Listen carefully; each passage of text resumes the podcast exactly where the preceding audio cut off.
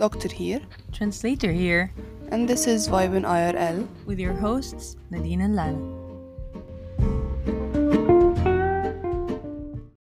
هلو يا جماعة. رجعنا لكم تاني بإبسود جديدة من Vibe in IRL طبعا أنا ولانا متغيبين بقالنا فترة. آخر إبسود تقريبا كانت نازلة في شهر 12 إحنا دلوقتي في شهر اتنين. بس أنا كنت بخلص كلية طب.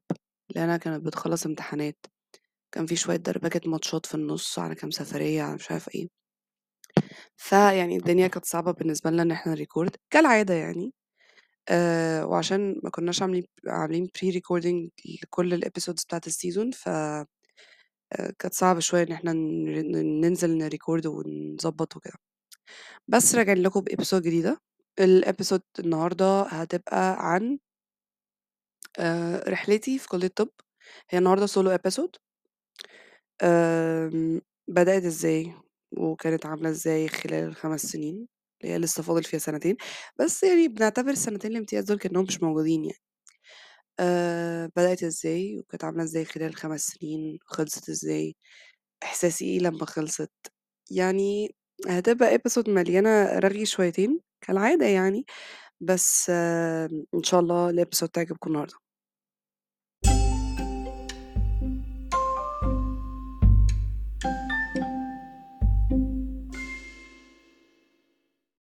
أوكي، نبدأ ب بدأت إزاي الرحلة؟ آمم أنا زي ناس كتير آآ جِبت المجموع بتاع الكلية. طبعًا أنا قبل ما أدخل الكلية أنا كان نِفْسي آخُد year كانت هتفرق معايا، بس ما يعني أهلي ما بس الحمد لله عامةً آآ لإن أنا آمم كنت خارجة من ثانوية عامة يعتبر ما خدتش إجازة ما بين ثانوية عامة وكلية، آآ كُنّا في تمارين منتخب وكده، فيعني اتفحَتّ، فما لحقتش آخُد إجازة بجد، يعني ما لحقتش mentally أبقى جاهزة للtransition اللي بيحصل ما بين المدرسة والجامعة. بس اللي حصل طبعًا إحنا بنتكلم على أي حد بيدخل كلية طبية، إن دول الناس اللي وإحنا في المدرسة بيتقال علينا الدحيحة، واللي ما بيسيبوش الكتاب، واللي مش عارف إيه، وطبعًا أي حد كان في موقفي عارف إحنا كان بيتقال علينا إيه، وعارف الناس كانت بتبُص لنا إزاي، ويعني ما بين تريقة وما بين حقد وما بين حاجات كتير، واللي هو والله يا جماعة آآ إحنا دخلنا الكلية دي اكتشفنا إن إحنا بجد ولا يعني بتدخل بتكتشف إن أنت ولا حاجة، لإن أي حد بيدخل كلية طبية بالذات لو داخل عين شمس، أنت بتتكلم عن ناس آآ جايبين أعلى مجاميع في علمي علوم في الجمهورية، يعني بتتكلم في دفعتنا كان 98.5 فيما فوق، فأنت بتتكلم الناس اللي هم المتفوقين بقى والأوائل بتوع مدرستهم ومش عارف إيه، وكل واحد فينا اللي هو كان متعود طول عمره إن أنت شاطر. أو تعبت في ثانوية عامة وربنا كرمك وجبت المجموع، أنت شاطر برضه، بس هي الفكرة كلها إن أنت كنت متسيستم إن أنت بتذاكر بطريقة معيّنة و بتذاكر بطريقة معيّنة والمذاكرة اللي أنت بتذاكرها دي بتجيب لك الدرجة النهائية، أو المذاكرة اللي أنت بتذاكرها دي بتجيب لك أعلى الدرجات بمجهود قليل، على حسب ما أنت اتعودت. طبعًا أنت دخلت كلية طب كل الكلام ده اتهد، أنا مش باتكلم على عين شمس بس، يعني أنا باتكلم على عين شمس من وجهة نظري، بس هو أغلبية أي حد في كلية طبية هيكتشف إن الكلام ده هو ده اللي حصل. أنت بتدخل فوق طبعًا أنت داخل دفعة فيها حوالي 1200 طالب، كل دول جايبين نفس المجموع في ثانوية عامة، أو يعني في رينج درجة درجتين مش فارقة كتير، فأنت بتتكلم إن كل دول شاطرين جدًا، دحيحة جدًا، مش عارف إيه، الكلام ده كله، وبعدين بقى بتدخل أنت بقى تروح مدمّر لهم كل حاجة هم بنوها في خلال الكام سنة تعليم السنة اللي فاتت، وبتخلّيهم يبدأوا من الصفر، ده ده بجد أي أي كلية طبية بجد كده، ده ده اللي حصل فينا. أنت بتدخل طِب عين شمس بتبقى بالنسبة لهم طالب متوسط أو أقل من المتوسط، لإن أنت في مشكلة إن أنت ال الامتحانات بجد أنت وحظك، ده بجد، ده في النظري أنا مش باتكلم في شفوي، آآ أنت ممكن تبقى مذاكر كويس جدًا وتدخل تجيب نُص الدرجة، ممكن ما تبقاش مذاكر كويس خالص وربنا يكرمك وتنقص درجة بس والّا درجتين. فالامتحانات جوّه هي بجد ما لهاش آآ ثوابت.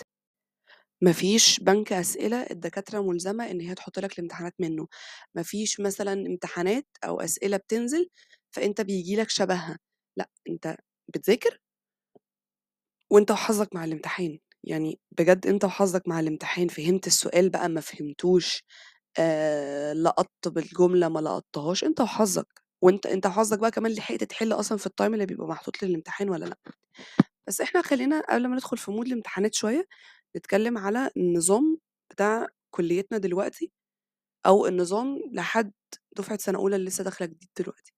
تمام، النظام كان إيه؟ إن إحنا داخلين طِب كانت 6 سنين آآ دراسة وسَنة امتياز، 7 سنين عادي.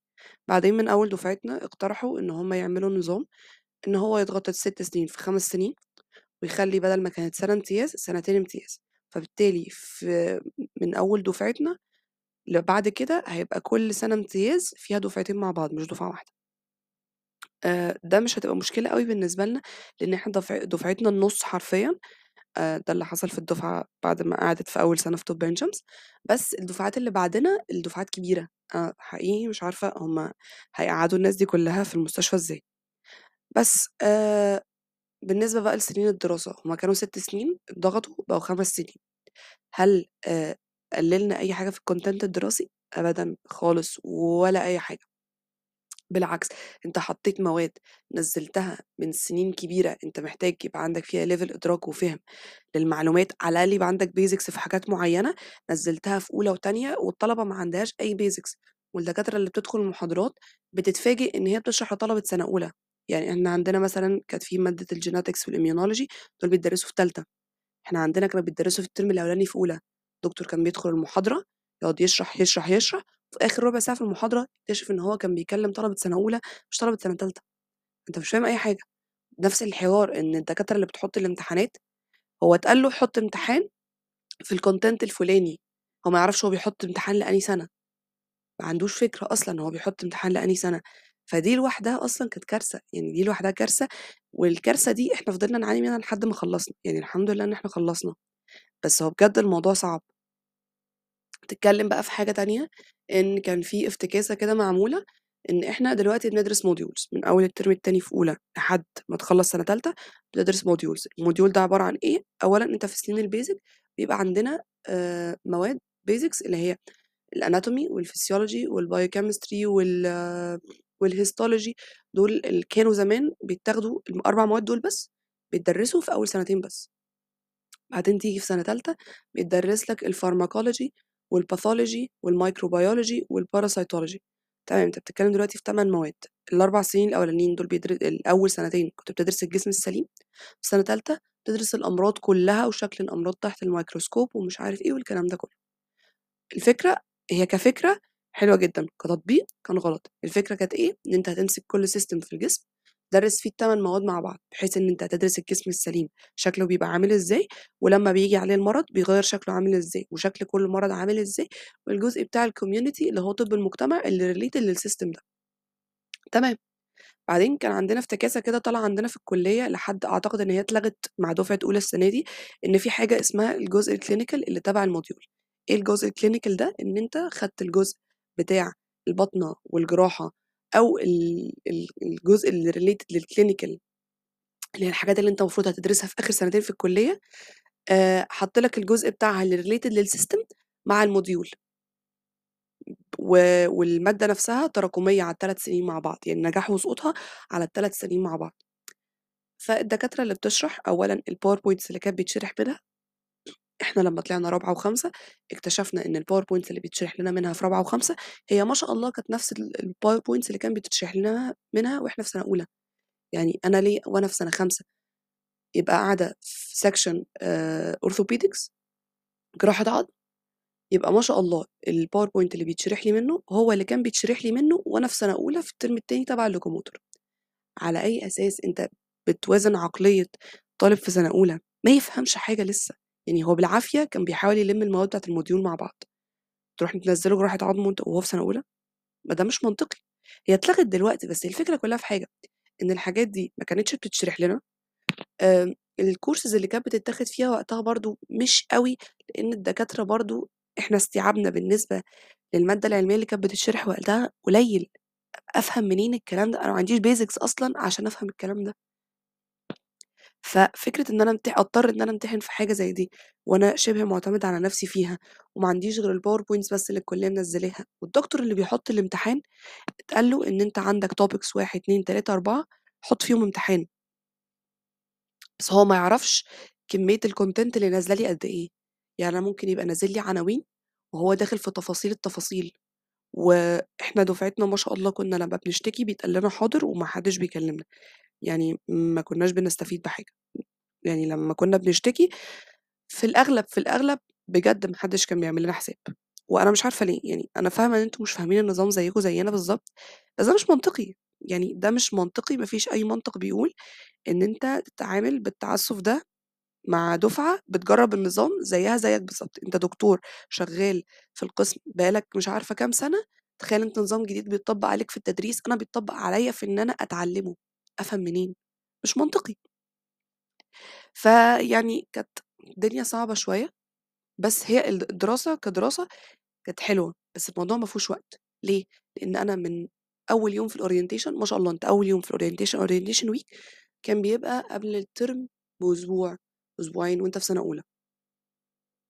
أول يوم هو حرفيًا أنت من أول يوم دراسة أنت مزنوق. أنت اتزنقت في المنهج، لإن أنت أول 3 سنين اللي هم السنين بتوع الbasic اللي هم دلوقتي بقوا سنتين ونُص، أنت عندك كل أسبوعين في assessment في امتحان، ومش بيبقى على الmodule كُلّه، يعني أنت عندك الmodule فيه 8 مواد والجزء بتاع ال community 9 مواد، بس ال community ما كناش بنمتحن عليها غير في ال final. فيعتبر عندك 8 مواد. أنت بتمتحن آآ لأ ف وإحنا في الترم ال ده ال module آه لأ، ال assessment بتاع ال module كنت بتمتحنه على بعضه، وإحنا في سَنة أولى كانت عندك ال basics بتاعة المواد ومعاها ال genetics وال immunology فلو الترم شهرين ونُص، احسب إن أنت كل أسبوع ونُص أو أسبوعين عندك امتحان. ده أنت لسه بتقول بسم الله أصلًا في الكُلّية. وبعدين آآ وبعدين المشكلة كمان إن الترم الأولاني في أولى المواد بتاعته درجاتها ص قليلة أوي، يعني دي كمان مشكلة كمان في النظام الجديد، الدرجات بتاعة المواد أقل والامتحانات كتير، فالغلطة بفورة. يعني أنت الغلطة بتعوّر جامد، يعني أنا دلوقتي عندي الجراحة، جراحة يعني تعتبر كلّها على بعضها على السنتين عشان إحنا مقسومة، طبعًا دي حاجة متخلّفة جدًا، آآ مقسومة في رابعة وخامسة تقريبًا 250 و250 تقريبًا، فكلّها على بعضها 500 اللي كان بيمتحنها في سَتّة بيمتحنها 900 درجة. فالغلطة في الامتحان عنده مش هتعوّره جامد، أنا الغلطة في الامتحان عندي تعوّر جامد. أنا في السنة الواحدة بيبقى عندي 250 في الج آآ 250 في الجراحة، 100 منهم final و150 في الend round. ما ده مش منطقي. بس ما علينا، سيبنا من ده، نرجع لسَنة أولى. سَنة أولى الترم الأولاني في أولى قُلنا في مواد أغلب المواد آآ درجتها من 50 الtotal بتاع المادة في الترم كُلّه من 50 آآ ما عندناش درجات رأفة، التظلُّمات عندنا إعادة رصد بس، فمش تاخد منها حاجة، بالعكس أنت ممكن يبقى محسوب لك درجات بعد إعادة الرصد تنقصها. فأنت ممكن تاخد summer في المادة على نُص درجة مثلًا، يعني المادة من 50 لو جِبت 29.5 sorry أنت هتاخد المادة summer. طَب ليه طيب؟ هو كده ما ما فيش. الترم التاني الترم الت أنت بيبقى عندك 2 module في الترم والاتنين ال clinical بتاعهم، فأنت كل module ليه 2 assessment في الترم وال clinical على حسب ال clinical كبير والّا صغير فيبقى ليه assessment 1 والّا 2 assessment وامتحانات العملي بتاعة كل module. فبرضه ب range أسبوعين، كل أسبوعين في امتحان. بس أنا حسّيت الدنيا بتاعة ال modules كانت أحسن ش يعني أحسن شوية من الترم الأولاني في أولى، الترم الأولاني في أولى أنا يمكن في ناس كتير بتحب الترم الأولاني في أولى، بس يمكن عشان كنت داخلة مش قادرة mentally إن أنا أواجه اللي بيحصل في الكُلّية، ف الدنيا كانت صعبة شوية. يعني كنت داخلة بعدين كان عندنا فكرة بقى، كنتش أعرف إن في courses بقى والكلام ده، ففاكرة إن أنا هادخل محاضرات بقى، المحاضرات هي اللي هنعتمد عليها، ده ده الsource بتاع المذاكرة بتاعتنا. فكان عندنا مشكلة إن المادة الواحدة مش بيشرحها دكتور واحد. يعني كل محاضرة يعني كل دكتور ليه تخصُّص، كل دكتور متخصص في حاجة معيّنة في المادة دي، فكل كل محاضرة بيدخل يشرحها دكتور شكل. فالنهارده دكتور كويس، بُكرة دكتور وِحِش، بعده دكتور نُص، نُص، المادة مبنية على بعضها، بس الدكاترة مختلفة، فأنا محاضرة وقعت منّي في النُص، في content وقع منّي في النُص المفروض أبني عليه على المحاضرة اللي بعدها، مش موجود عندي أنا مش عارفة أعمل فيه حاجة ما عنديش المعلومات مش قادرة الدكتور كان شرحه وحش أو بالنسبة لي شرحه كان وحش أو هو مش كل الناس برضو إحنا خلينا مقتنعين إن مش كل الناس عندها القدرة إن هي توصل المعلومة صح. أنت ممكن تبقى شاطر جدا في شغلك وفي كاريرك وفي كل حاجة بس ما عندكش القدرة إن أنت توصل المعلومة للي قدامك. وفي واحد تاني ممكن يبقى عنده القدرة إن هو يبسط ويوصل المعلومة للي قدامه بس مش شاطر في الشغل قوي يعني لازم يبقى معاه الكتاب يعرف يوصل المعلومة وكل حاجة بس مش شاطر في الشغل. ولا ده عنده مشكلة ولا ده عنده مشكلة.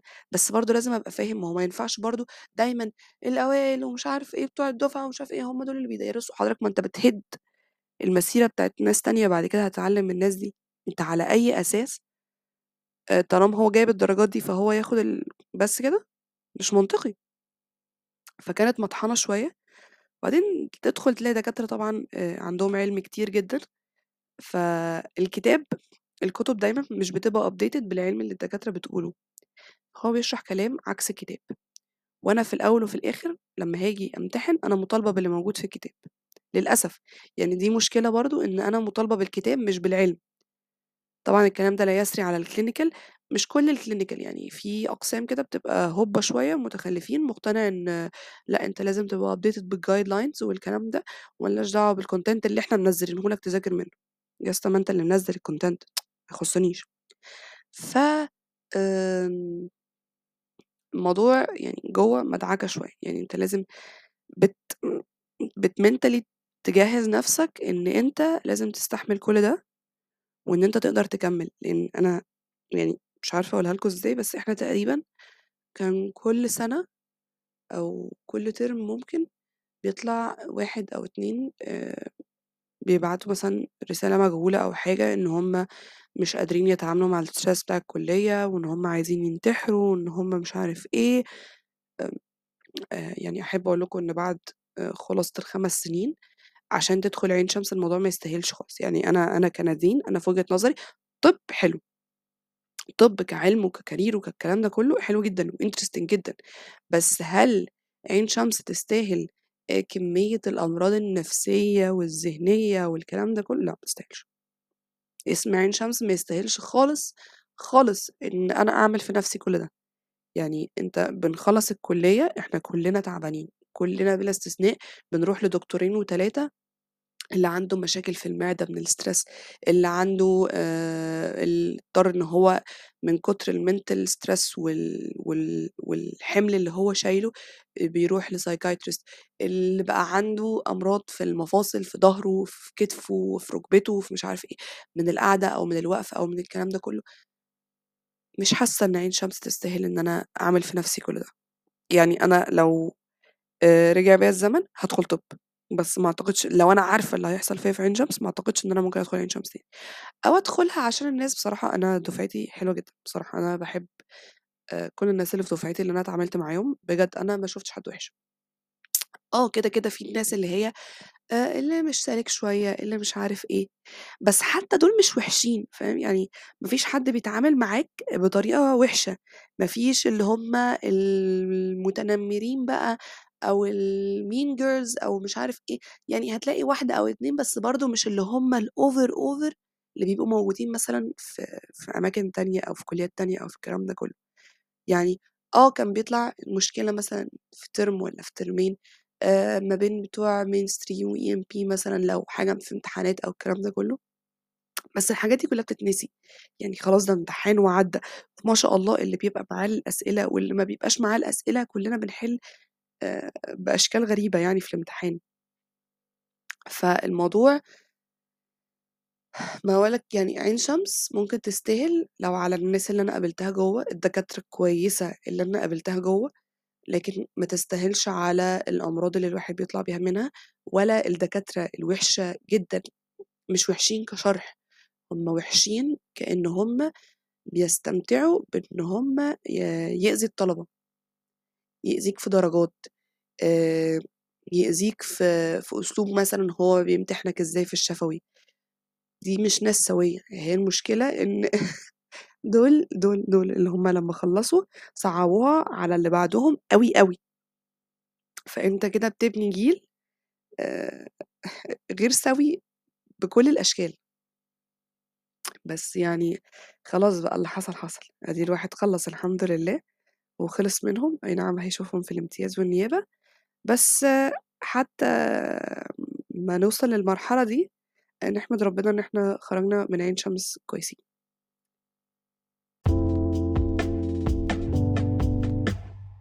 بُصّوا يا جماعة، أنا عامةً يعني أنا الepisode دي مش مرتّبة لها مثلًا أفكار أو حاجة، أنا باحكي اللي حصل. يعني باحكي اللي حصل و يعني الناس اللي كانت هتسمع الepisode اللي من دفعتي عارفين اللي أنا باقوله ده عِشناه كلّنا سوا، اللي مش من دفعتي يعني ما يعني ما تبنيش expectations وِحشة عن المكان برضه، لإن إحنا آآ كل سَنة الload بيخِف عن الدفعات الأصغر مننا، يعني إحنا دفعتنا بس هي اللي شالت كتير، آآ استحملت كتير يعني من الكلية عندنا، بس كل سَنة الload بيقل.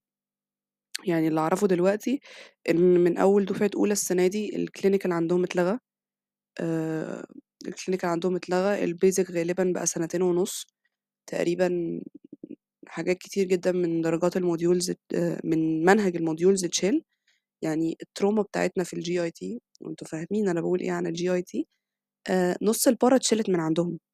هي البارا في الGIT يعني البارا كانت تلات أر يعني سَنة تالتة اللي كانوا بياخدوا البارا لوحدها، هي كان أغلبيتها تبع الGIT، فأنت كنت بتمتحن امتحان الGIT بتاعنا بتاع الfinal كنت بتمتحن paper 1 وpaper 2 وكان عندنا وقتها essay كمان. التلات أرباع الامتحان بارا، وفي أسئلة الدكاترة واقفة أصلًا مش عارفة هي بارا والّا micro والّا فأنت قاعد بقى أنت والورقة، أنت وحظك مع الورقة، فهُم اتشال أصلًا من عندهم نُص البارا، فكان في حاجات كتير جدًا من الmodules اتشالت، فالنظام أخَف دلوقتي عن الدفعات ال الأكبر، اللي هو إحنا وممكن الدفعة اللي تحتنا شوية، بس الدفعة اللي تحتنا كمان محظوظين شوية، لمّا بيشتكوا الناس بتسمعهم، إحنا ما حدش بيعبّرنا. غير آخر سنتين لمّا بقينا بناخد الموضوع جَد شوية، خلاص بقى كفاية اللي حصل فينا أول 3 سنين، مش قادرين نستحمل أكتر من كده، أنتم لازم تسمعونا وإحنا بنشتكي دلوقتي. بس آآ يعني الدنيا في تحسُّن.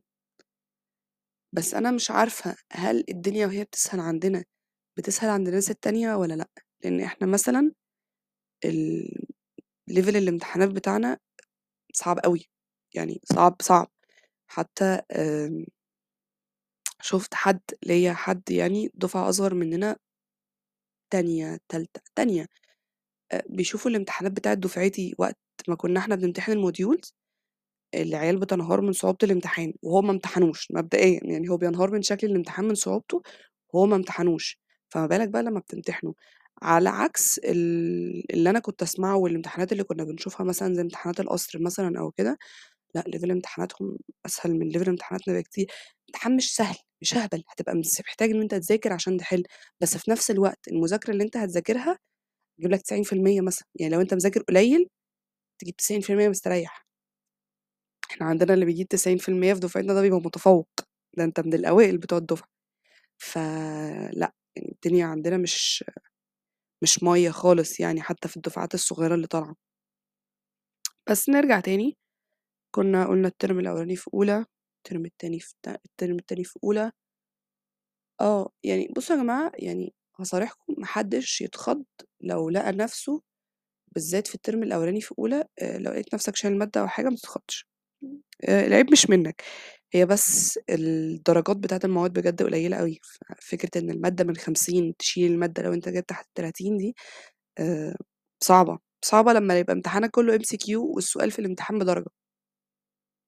فتقيلة، تقيلة عليك، فما تتخضش لو حصل معاك حاجة زي دي، أنت عندكش مشكلة خالص، بالعكس أنت ممكن تدخل الsummer وتجيب في الآخر 35 يعني درجة أكتر من اللي أنت كنت محتاجها عشان تنجح فلو أنت دخلت في المادة عادي. بس آآ سَنة تانية إحنا كانت دفعتنا سَنة تانية ال الوقت اللي جه فيه الكورونا.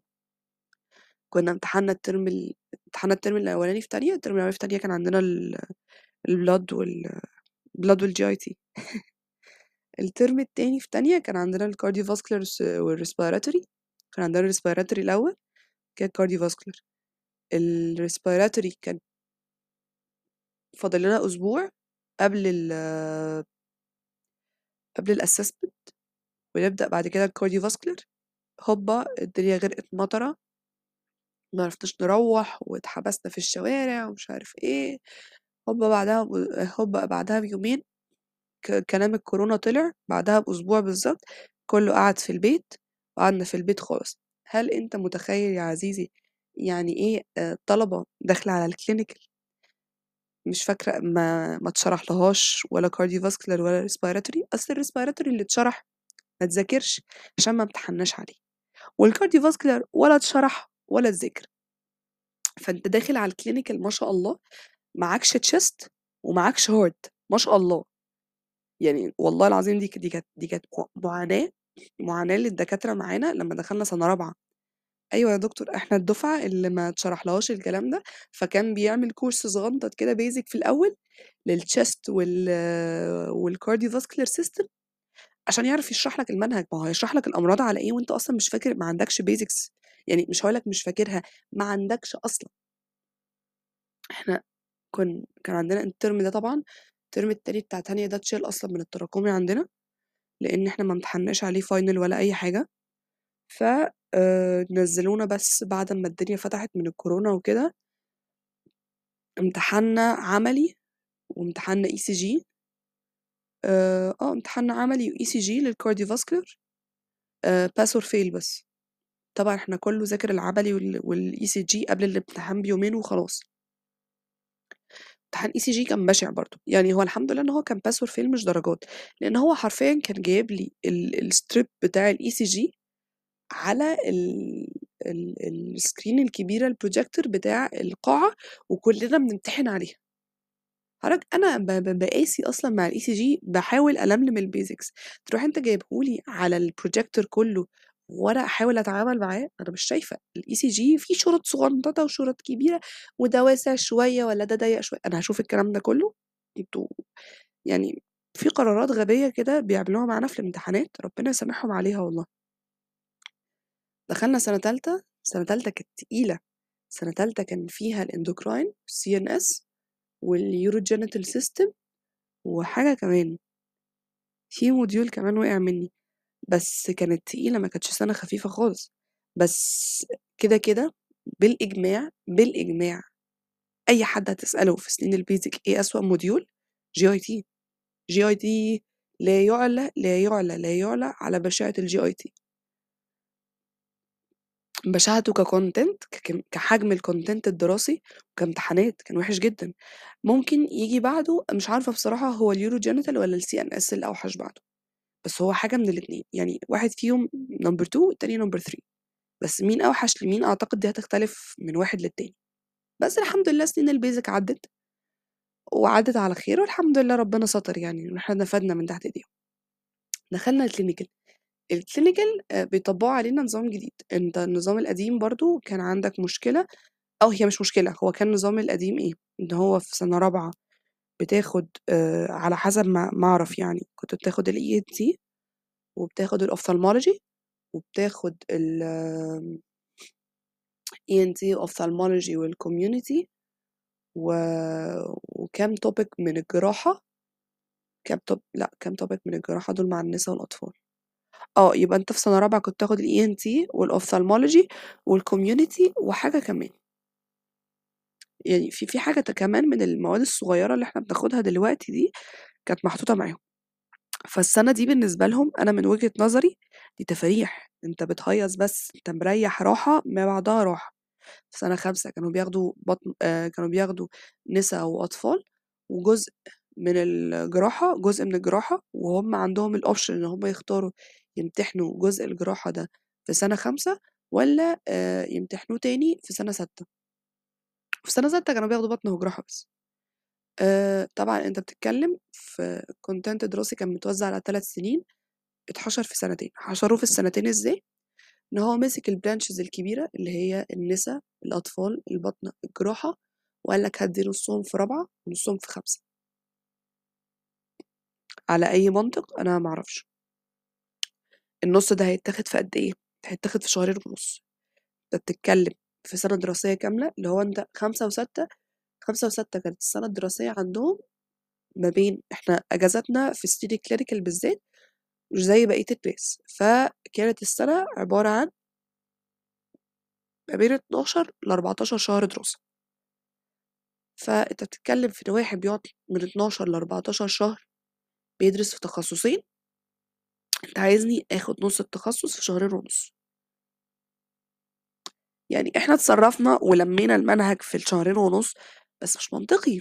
يعني مش منطقي. أنت لو حسبت الوقت ولا وقت ولا الدكاترة لحقت تدرس ال- الكتات كله بالافيكاسي اللي هو عايزينها ولا أنت لحقت تذاكر. بس اتصرفنا يعني وربنا كرمنا. آه طبعا أنت رابعة كنت بتاخد آه في شهرين ونص طبعا بنتكلم على أربع round ات كل round شهرين ونص آه عشر أسابيع وبعدهم أسبوع امتحانات end round بعد كده تدخل على ال round اللي بعده. تمام كنت بتاخد الأطفال معاها الرمد اللي هو ال ophthalmology كنت بتاخد ال obstetrics اللي هي الولادة ومعاها ال ENT كنت بتاخد الجراحة وهي معاها ال community مش فاكرة بصوا يعني أنا في جراحة وفي بطنة وكان في جزء community وجزء research بس مين كان مع مين مش فاكرة بالظبط بصراحة.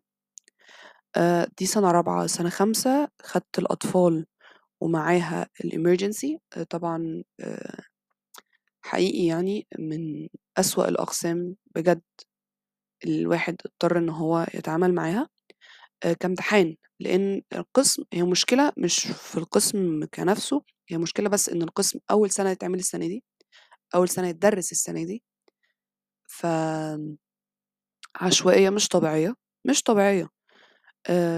في الكونتنت الدراسي أنت للي ما يعرفش الامرجنسي هي عبارة عن واخد الحاجات بتاعة الطوارئ اللي في كل تخصص يعني ال emergency اللي related للأطفال وللنساء وللبطنة وللجراحة ولل tox وال forensics وللرمد ولل ENT والجزء اللي related لل community كل ده في branch واحد تمام؟ آه المشكلة إن المادة ملهاش كتاب ملهاش content علمي ثابت. فبينزل لنا أسامي topics وباوربوينتس محاضرات وما بيجيش منها في الامتحان. أو مش حكاية انه ما بيجيش منها في الامتحان هي الفكرة إن هو حاطط العناوين أصل بص- أصل بصراحة يعني صعب صعب غير يعني ناس ما شاء الله ما شاء الله ما شاء الله عليهم يعني فاكرين الكلام ده بس صعب إن أنا أفتكر التفاصيل بتاعة الأمراض دي كلها وأنا باخد في السنة أربع branch ات أساسية وجنبهم م- حوالي ثلاث أو أربع branch ات فرعية. صعب إن أنا أفتكر كل ده في خلال سنتين. أفتكر ال content ده كله ما أعتقدش إن في دكتور هيبقى فاكر تفاصيل التفاصيل في الكلام ده كله يعني. ده الدكتور لما بيخلص بيتخصص في branch أو branch ين بالكتير يعني ما بيتخصصش في 8 branch ات. فهي الفكرة إن هو حدد topics في كل branch ومش دكاترة الطوارئ اللي بتشرح هي اللي بتحط الامتحان. دي مشكلة. فهم بيطلبوا مثلا من القسم بتاع النساء حط لي أسئلة عن topics واحد اتنين تلاتة أربعة. هي مشكلة نفس مشكلة ال clinical الجزء بتاع ال clinical اللي كان بيبقى موجود مع ال modules. إن الدكاترة مش عارفة اتشرح قد إيه بالظبط أو اتشرح تفاصيل قد إيه بالظبط في ال topic ده عشان يحط عليها امتحان. فأنا بتسأل في أسئلة وتفاصيل في في في, في موضوع مثلا أنا عليا عنوان وتعريفه بس ده اللي نزل قدامي في الباوربوينت ده اللي أنا ذاكرته. أنا أعمل إيه؟ طيب أنا أجيب منين؟ يعني أنا هافتكر الكلام ده منين؟ آآ أو إن هُم بيبقوا مقتنعين بحاجات عكس الأقسام التانية، يعني أنا أفتكر بجد إن كان في حاجات مثلًا في حاجات بالنسبة لنا في طِب في حاجات اللي هو الfirst choice of investigation أو الgold standard اللي باستخدمه أول حاجة في العلاج في الحاجات زي دي مثلًا أو مش عارف إيه أو الكلام ده كلّه، دي حاجات ثوابت هُم عندهم مغيّرينها بحاجات تانية بالذات في الinvestigations تسأل دكتور الجراحة يقول لك كذا، تسأل دكتور الemergency يقول لك لأ هي كده، على أي أساس؟ هو كده. بجد والله! آه والله. ف فخلاص يعني فهي مادة عشوائية جدًا آآ بتمتحنها كلّها كنظري في الend round هي المادة كلّها كانت من 125 درجة آآ أنت بتمتحن 75% منهم 75 درجة منهم في الend round مش منطقي، يبقى فاضل لك في الfinal 50 درجة بس. فحاجة غبية جدًا يعني. آآ ده كان round الأطفال والemergency بعد كده عندك round النسا ومعاها tox وforensic اللي هم طب شرعي وسموم. gynecology وtoxophorensic بعد كده كان عندك الجراحة جراحة وباطنة اللي هو النُص التاني بتاعهم بقى، ومعاهم آمم research برضه والجزء اللي فاضل من الfamily medicine أو من الcommunity medicine. فال السَنة عندك يعني على قد ما سنين الclinical بتبقى زحمة، بس أنا بالنسبة لي سنين الclinical أحلى بكتير، بكتير عن سنين الbasic. كفاية إن أنت بتمتحن كل شهرين ونُص بس، يعني mentally قادر تريّح شوية ما بين كل round والتاني، قادر تذاكر براحتك شوية، معاك وقت يعني على قد ما الcontent كبير، بس تقدر تلمّه، هتلحق. عكس التاني أنت بتقعد أسبوعين تمتحن، أسبوعين وتمتحن، أسبوعين وتمتحن. فأنت الأسبوع اللي قبل الامتحان بتبقى بتذاكر للامتحان، بيتشرح حاجات في الكلية، بترجع بقى بعد الامتحان تلم اللي اتشرح الأسبوع اللي فات، فبيقعد يراكم عليك، يراكم عليك، يراكم عليك لحد أمّا توصل للfinal. أنت ما بتبقاش مجمّع المعلومات كلها على بعضها، في حاجات بتبقى واقعة منك، لإن أنت مش لاحق، يعني أنت حرفيًا معاكش وقت، يعني هو بجد على قد ما النظام آآ حلو، هي بجد مشكلته كلها الوقت، ما فيش وقت، يعني يا تقلل كمية الامتحانات اللي أنت بتعملها في السنة، يا تزوّد الوقت بتاع الترم، إحنا ما عندناش وق يعني ما عندناش مشكلة إن الوقت يزيد.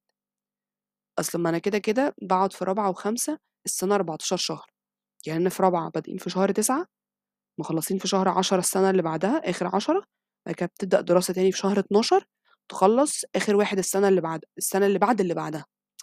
فكده، كده أنت مسحول، يعني أنت خلاص أنت الأجازات والكلام ده أنت ما بتعتمدهاش من أول ما بتدخل الكلية دي، فخلاص بقى طالما أنا كده، كده الأجازات ما باعتمدهاش، زوّد لي في الوقت بتاع الدراسة، يعني زوّده، ما حدش فينا اعترض، بس ما أنت بتحط الواحد في stress هو يعني يا جماعة والله العظيم إحنا كلنا خارجين بجد الدفعة كلها شعرها مبيض والله العظيم الدفعة كلها شعرها مبيض، ما حدش فينا خلاص قادر بجد.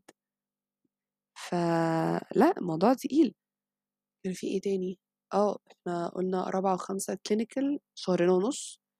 آمم طبعًا يعني إحنا كده، كده يعتبر بنسبة كبيرة جدًا من ساعة ما بتدخل الكلية أنت مُعتمد على الcourses سواء أنت بتنزل تحضر بتشترك في courses مع الدكاترة أو بتسمع records. آآ بس أنت بنسبة كبيرة جدًا، جدًا يعني في ناس ما شاء الله بتعرف تجمّع من دكاترة المحاضرات أو بتعرف تجمّع لوحدها، دول ما شاء الله عليهم. بس لو أنت ما لقيتش نفسك كده ما ما فيش أي مشكلة خالص. أنا جيت الترم التاني في أولى الترم الأولاني في أولى ما كنتش باخد courses خالص، الترم التاني في أولى خدت courses في كل المواد، لدرجة إن إحنا كنا في رمضان ساعات بنس نروّح الساعة 01:00 أو 02:00 من الcourse. آمم بعد كده بقى بعد ما بتاخد courses في كل المواد في الترم التاني في أولى، عرفت بقى إيه المادة اللي أنا آه محتاجة آخد فيها course، إيه المادة اللي أنا ممكن أسمعها records، إيه المادة اللي أنا م ممكن أمشي فيها لوحدي مش محتاجة. بعدين أنت كمان في جزء الmodules أنت بتقسّم مذاكرتك مبدئيًا كده باللي عليه درجات أقل فأكثر. يعني مش هاسيب مادة زي مثلًا الanatomy ممكن يبقى عليها في الامتحان 20 درجة وأمسك في الhistology عليها درجتين في الامتحان أقعد أذاكر وأحفظ في الhistology لأ sorry. يعني أنا تقريبًا يعتبر في ال3 سنين بغض النظر عن الترم الأولاني في أولى، إيه ممكن أكون ذاكرت الhistology مرة أو 2 مثلًا أو الmicro. بيبقى عليها في الامتحان درجة، يعني الhistology والmicro في أغلب الmodules بيبقى عليهم في الassessment الواحد درجة أو درجتين. فأنت بتذاكر باللي درجاته أكثر فأقل، لحقتهم، لحقتهم، ما لحقتهمش خلاص بس ما تبقاش ضيّعت وقت على الفاضي. يعني الموضوع مش مستاهل. لكن في ال اسمه إيه ده، في الclinical في الكلين في سنين clinical أنت بتذاكر كُلّه، بتذاكر كُلّه طالما المادة ما فيهاش levels يعني زي البطن عندنا مثلًا فيها levels. إيه الlevels دي؟ إن أنت المادة بتبقى متقسّمة الtopics في كل branch بتبقى متقسّمة level A، level B، level C، level D. level D مش هتتسأل فيه في النظري، يعني أنت ممكن تقراه أو تذاكره للعلم، بس D أنت ما بتتسألش فيه في الامتحان. level A وB هم الأهم، level C أقل أهمية ممكن تتسأل في cause أو differential diagnosis ليه، بس ما تتسألش في تفاصيل، تفاصيل المرض. فلو عندك حاجة زي البطن مثلًا فيها levels أنت بت بتfocus على الlevels، ما عندكش levels بتذاكر كُلّه. يعني بتذاكر كُلّه أو اللي تلحق تذاكره وتخلّصه كُلّه قبل الامتحان. ف بس أنا بالنسبة لي بصراحة أنا حبيت سنين الclinical أكتر، لأ أحلى بكتير. تبدأ تحس بقى إن أنت دكتور بجد كده. يعني الأكاد يعني خلاص خرجنا بقى من حوار حفظ الأمراض واللي مش عارف إيه، بتشوف عيانين بجد، عندهم الأمراض بجد بتشوف الclinical picture على العيان على الحقيقة آمم في النسا ممكن عندك الoption إن أنت تنزل كشك النسا أو عمليات الجايني مع الدكتور اللي بيبقى بيشرف عليك في الإشراف الأكاديمي وتنزل عمليات وممكن لو الدكتور طيب يخلّيك تتعقّم وتأسِّست في العملية وتأسِّست في العملية إن أنت هتمسك الretractor هتناول الدكتور حاجة، بس اسمك شاركت في العملية. دي حاجة حلوة جدًا عامةً، لو حد يعني ليه في الحاجات بتاعة الجراحة وكده. بس ال يعني تحس أنت دكتور بجد بقى، والبلطو والبلطو رايح البلطو جاي والسماعة والهامر ومش عارف إيه، لأ يعني بتبدأ تحس إن أنت بقى خلاص دكتور بجد وفاهم، تبدأ بقى خلاص بت يعني بتبني عندك زي آمم بنك معلومات basics كده في الأمراض خلاص، حتى لو أنت مش شاطر أوي في المادة أو مش شاطر أوي في الbranch ده، بس بقى عندك basics عن كل مرض، بقى عندك basics في حاجات معيّنة، ال مثلًا الmarker بتاع مش عارف إيه، آآ عيان حساسية أول حاجة هتعملها هتدّي له إيه لو جاي مثلًا في anaphylaxis أو حاجة، فبيبدأ يبقى عندك ك كدكتور يعني هي مش مش كفاية إن أنت تشتغل بيها أكيد، ومش كفاية برضه ك كامتياز، بس مش هتحس إن أنت قليل، يعني تبدأ تحس إن أنت فاهم، آآ مش حمار. آآ لمّا الدكاترة تبقى بتشرح لأ خلاص أنت بدأت يبقى عندك فاهم، ممكن تبقاش فاكر حاجة، بس once إن الدكتور هييجي يشرح خلاص أنت افتكرت وفاهم وبتتجاوب معاه وبتتفاعل وخلاص والدنيا تمام يعني. آمم طبعًا الجديد في النظام الجديد إن أنت أول مغامراتك مع الشفوي بتبدأ وأنت في سنة خم آآ رابعة، بتبدأ وأنت في سنة رابعة، الشفوي بتاعك في رابعة آآ مع الدكاترة بقى وكده ومع عيانين مش مع الدكاترة على الفاضي، يعني في الأطفال في في حاجات بيبقى عندنا اسمها OSCE والshort والshort case أو الlong case. الOSCE ده بتبقى زي stations بتبقى آآ بيبقى مطلوب منك حاجات معيّنة، يعني تقيس الblood pressure بتاع العيان، آآ لو مثلًا حاجة abdominal examination مثلًا تpalpate أو تعمل percussion لحاجة معيّنة، آآ ممكن تبقى حاجة focused history مثلًا، يقول لك العيان بيشتكي من كذا، اسأله على الحاجات دي، يبقى العيان قاعد قدّامك أو لو أطفال مثلًا تبقى مامة العيان وابنها قاعدين قدّامك والدكتور قاعدة معاها checklist. هو الفكرة في الOSCE كلّها إن أنت بيبقى في checklist. أنت ملزم بالchecklist دي إن أنت تgo through آآ each point وما تفوّتش point من أول ما إن أنت بتدخل تعرّف العيان باسمك وتستأذنه وتعقّم إيديك، لحد إن أنت بعد ما تخلّص لازم تغطي العيان وتشكره بعد ما تخلّص الexamination. كل حاجة في دي بتبقى بدرجة. عشان دي من الحاجات الكويسة بصراحة إن أنت تتعوّد إن أنت تتعامل مع العيانين كويس، لإن بصراحة يعني لمّا الواحد بينزل المستشفى بيشوف شوية حاجات آآ بيتعاملوا مع العيانين بصراحة غريبة، ف فالbasics دي عامةً كويسة إن هي تبقى عندك على الأقل تتعامل أنت تتعام تتعامل باحترام مع الناس basics. فده الجزء بتاع الOSCE الجزء بقى اللي أنت بتحتم تمتحن فيه direct شفوي مع الدكاترة. على حسب المادة شو يعني بتمتحن فيها short case والّا long case. بس short case غالبًا الامتحان ما بيكمّلش عن ربع ساعة، بتبقى أنت والدكتور والعيان، آآ بتاخد من العيان history وتعمل examination بسرعة وبعد كده الدكتور بيسألك في تشخيصك عن الحالة إيه وبيسألك كام سؤال، وأنت وحظك بقى الدكتور طيب، دكتور مش طيب، يعني في دكاترة بتكتفي بإن هو شافك عملت الhistory والexamination صح، بياخد منك الdiagnosis وبيدّي لك الدرجة، في دكاترة ما بتبقاش عايزة history examination أصلًا ويقعد بقى يمسكك يفصّصك في النظري بتاع المادة كلّها ويفسّحك بقى، وفي دكاترة آآ he's fair يعني هتعمل history examination وهاسألك كام سؤال في النظري مش ه مش هابقى over عليك.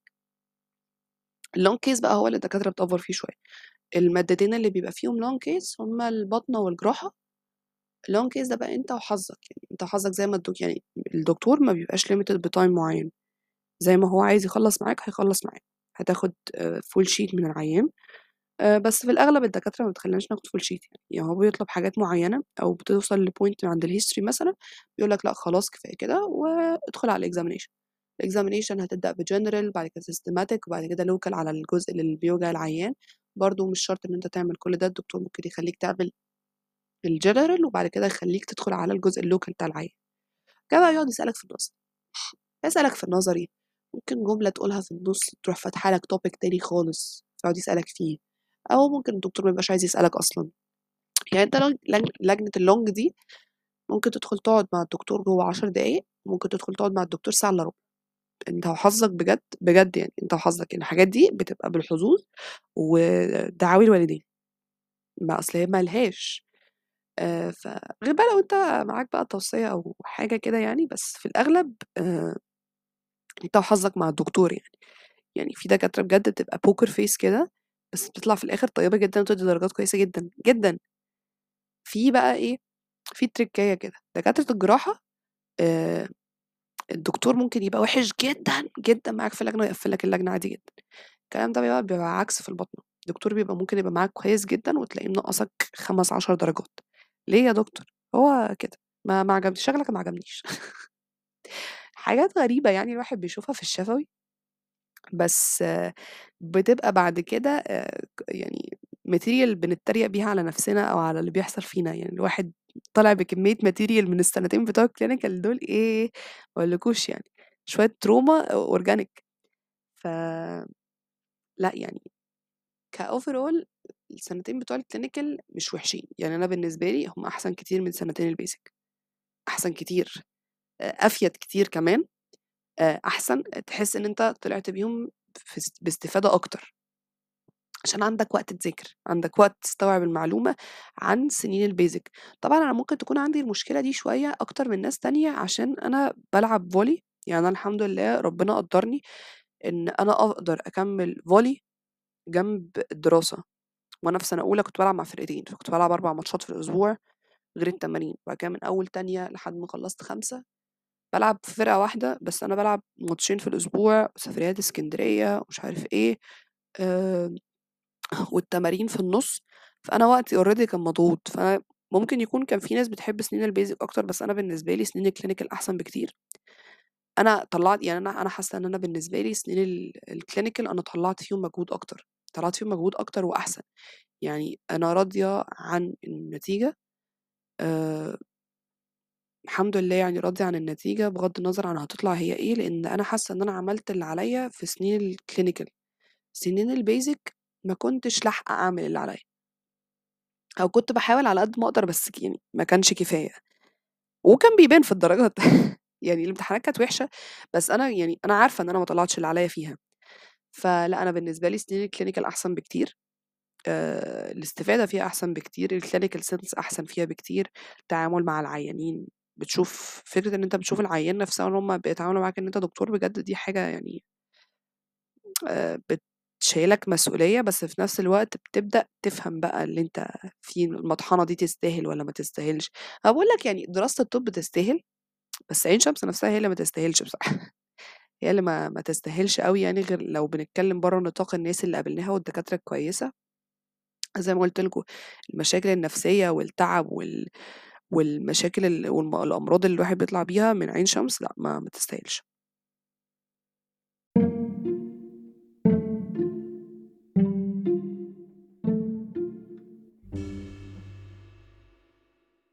هاكلمكم دلوقتي عن إيه، هاكلمكم عن آخر finals ليّا. في كلية طب عين شمس. طبعًا آمم آخر آآ آخر end round لينا خلص يوم 3/11 تقريبًا. بعدين كان مفروض معانا شهر 11 نجهز للfinals عشان أول final لينا يبدأ 3/12 وخلصنا آآ 24/1 تمام، مبدئيًا كده شهر 11 جري مننا. ما حدش فينا لحقه. يعني بجد لو كنا نعرف إن شهر 11 هيجري كده كنا ريحناه عشان نبقى جاهزين على الfinals بس عدّى فجأة لقينا نفسنا أنت نمت صحيت فجأة لقيت نفسك كلنا كنا سايبين ما بين 10 ل12 يوم لمذاكرة الجراحة. فأنت فجأة لقيت نفسك في ال10 أيام اللي قبل مذاكرة الجراحة. عشان هُم اختاروا إن إحنا أول final نمتحنه هو جراحة هو الحمد لله إن هي ما جاتش بعد الباطنة يعني الfinals بتاعة سنة رابعة كنا امتحنا final الباطنة وكان بعده final الجراحة وبعدهم أسبوعين شفوي بتوع الباطنة والجراحة. إحنا كنا خارجين من final الباطنة أصلًا مش شايفين قدامنا، يعني أنا حد يسألني أنا ذاكرت للباطنة إزاي مش فاكرة، ذاكرت للجراحة إزاي مش فاكرة برضه لإن أنا في الماتشين كان ورايا ماتشات وسفر وحاجات كده غريبة. فأنا فترة الfinals بتاعة سنة رابعة دي أنا حقيقي مش فاكرة هي عدّت عليّا إزاي. كانت آآ كانت فترة غريبة يعني. كان في ماتشات وكان في سفريات وكان في امتحانات وموبايلي اتكسر وحاجات غريبة كده. بس السنة دي اختاروا لنا إن إحنا نبدأ امتحانات بامتحان الجراحة. ف وإحنا يعتبر أغلبيتنا كانت أكتر مادة متذاكرة كويس تقريبًا هي كانت الجراحة، عشان كانت من المواد القليلة اللي أنت بتمتحن النظري بتاعها كله في الend round فأنت مطالب تذاكرها كلها في خلال في خلال الشهرين ونُص أنت هتمتحنها كلها، ودرجاتها في الend round مش قليلة، يعني أنت هتمتحنها نظري وهتمتحنها شفوي، أنت بتقعد أسبوع في الend round بتاع الجراحة، بتمتحن يوم آآ MCQ وslides. في يوم operative اللي هو شفوي الoperative العمليات يعني، تفاصيل العمليات وكده، وفي يوم short case وlong case وفي يوم للOSCE. فأنت لازم بتبقى خارج من fin من end round الجراحة مذاكر الجراحة كلها. بس هي الفكرة كلها أنا مثلًا حد زيي كان واخد الجراحة في أول السنة، مش فاكر منها حاجة، ف أو لأ طلعت والله يعني لمّا جيت أذاكر طلعت فاكرة بنسبة كبيرة، أو يمكن عشان أنا باحب الجراحة فالموضوع بالنسبة لي كان لطيف. بس بس هي الجراحة ما كانتش بتخلص. يعني أنت تقعد تذاكر، تقعد تذاكر، كان عندنا إيه؟ بتاع 6 ملازم مثلًا والّا 7 ملازم. جراحة بس، ده من غير الأسئلة، ده ده شرح، شيء anatomy بقى على GIT على orthopedics على breast على مش عارف إيه، ودي نُص الجراحة بس دي مش كلها، امتحنا النُص الأولاني بتاعها في رابعة. ف آآ يعني الواحد حَس إن هو اتحشر جوّه مذاكرة الجراحة ومش بتخلص، وفي نفس الوقت أنت مش فاكر. يعني أنا بجد لولا إن أنا قريت تلات أرباع المنهج تقريبًا ليلة الامتحان تاني، ما أعتقدش إن أنا كنت ممكن أفتكر كل التفاصيل اللي أنا افتكرتها في الامتحان دي. امتحان الجراحة كان قد إيه، كان ساعتين أو 3 ساعات حاجة كده، عشان حظنا يعني إن الessay رجع من السنة دي، cases بقى وحاجات غريبة كده. بس الfinal بتاع الجراحة يعني هو نُص، نُص، يعني هو ما كانش سهل وما كانش يعني ما كانش سهل خالص وما كانش صعب over وفي نفس الوقت يعني دكتور دكتور محمد بهاء ربنا يخلّيه لنا بصراحة يعني، آآ شال لنا أسئلة من الامتحان وشالها لنا وادّاها لنا درجاتنا مش بيضربها في factor ومشّى لنا حاجات في الcases يعني، فالحمد لله يعني الدنيا كانت لطيفة. آآ بعدين كان بعدها كان في إيه، كان بعدها في النسا تقريبًا، كان في final النسا بعدها. طبعًا إحنا كلنا كنا مرعوبين من النسا، لإن أي حد دفعتي أو الدفعة اللي أكبر مني إحنا اتعلّم علينا في final النسا السنة اللي فاتت اتعلّم علينا جامد يعني، والله يعني درجاتنا كانت حاجة غريبة كده، الامتحان نفسه كان حاجة غريبة، يعني هو امتحان عايز دكتور بيمارس المهنة بقى له 5 سنين مثلًا عشان يبقى عنده clinical sense يعرف يحل بيه الامتحان ده. أنا مالي أنا العيّانة حامل عايزة تعمل ليزر والّا مش عايزة تعمل إيه اللي يخلّي واحدة حامل تبقى عايزة تعمل ليزر، حضرتك هو ده وقته؟ يعني ده وقت مناقشات وجودية جوّه الامتحان؟ أكيد لأ، يعني أنا مالي، ما يخصنيش خالص.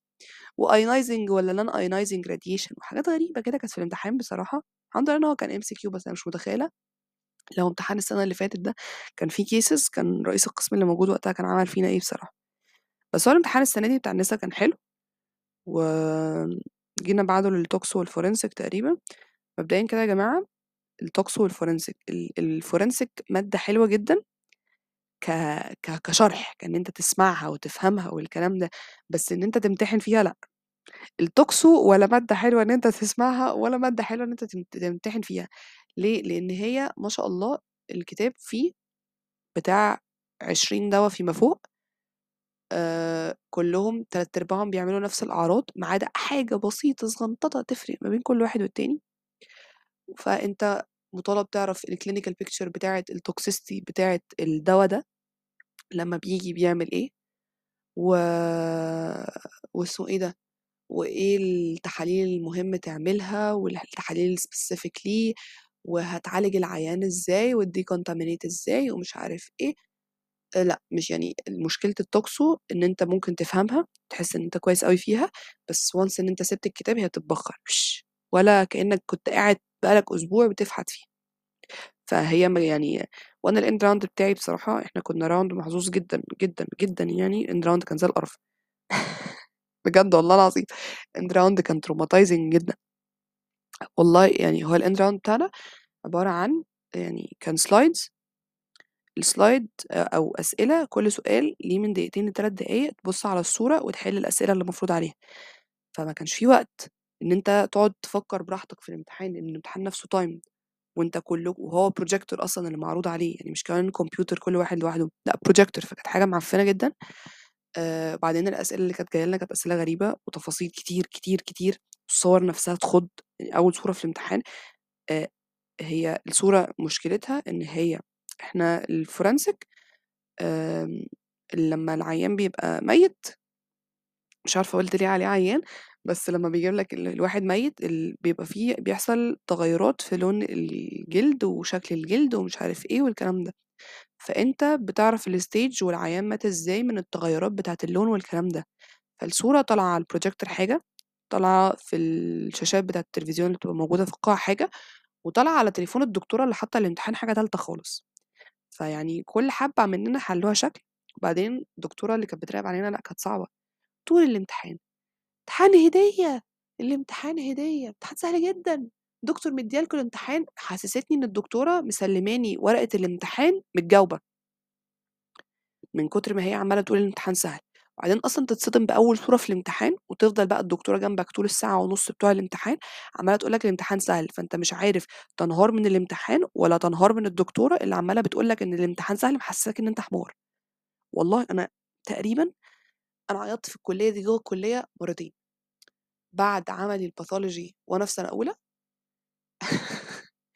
وبعد العملي بتاع الTox والforensic ده، أنا باعيّط يعني أنا أي حد من صحابي عارفني عارف إن أنا عيّوطة، وأنا باحب أعيّط، بصراحة أنا ده ده outlet للemotions بتاعتي وما باتكسفش من حاجة زي كده، بس أنا ما ب يعني ما باحبش آآ لو حاجة زي مثلًا academics أو أو حاجة كده يعني ما باحبش إن حد يشوفني باعيّط، أنا أعيّط عادي بس ما حدش يشوفني وأنا باعيّط، فيعني المرّتين بجد هي مرّة وأنا في سنة أولى ومرّة وأنا في سنة خامسة عشان يبقى إيه البداية كده والنهاية كده، بس ف كان كان بشع جدًا، جدًا، جدًا يعني، بس الحمد لله جِبت درجة حلوة في الآخر، بس ده برضه يرجع لفضل إن الدرجة بتاعة الامتحان بتتقسم، يعني الدرجة اللي كانت بتبقى محطوطة على الأسئلة دي بتبقى النُص، فالحمد لله إن هي جات على قد كده أصلًا. يعني الواحد ما كانش عارف هيعمل إيه لو ما كانتش كده. عندنا إيه تاني؟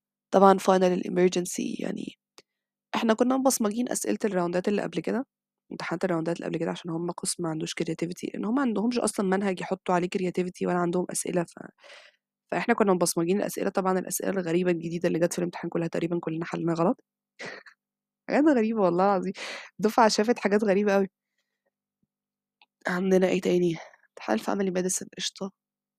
نرجع نيجي بقى امتحان الأطفال، امتحان الأطفال، أنا داخلة امتحان الأطفال أمتحن الساعة 10:00 مخلّصة الامتحان 14:30 يعني أنا مش فاهمة أنا ليه أقعد كل ده بامتحن جوّه.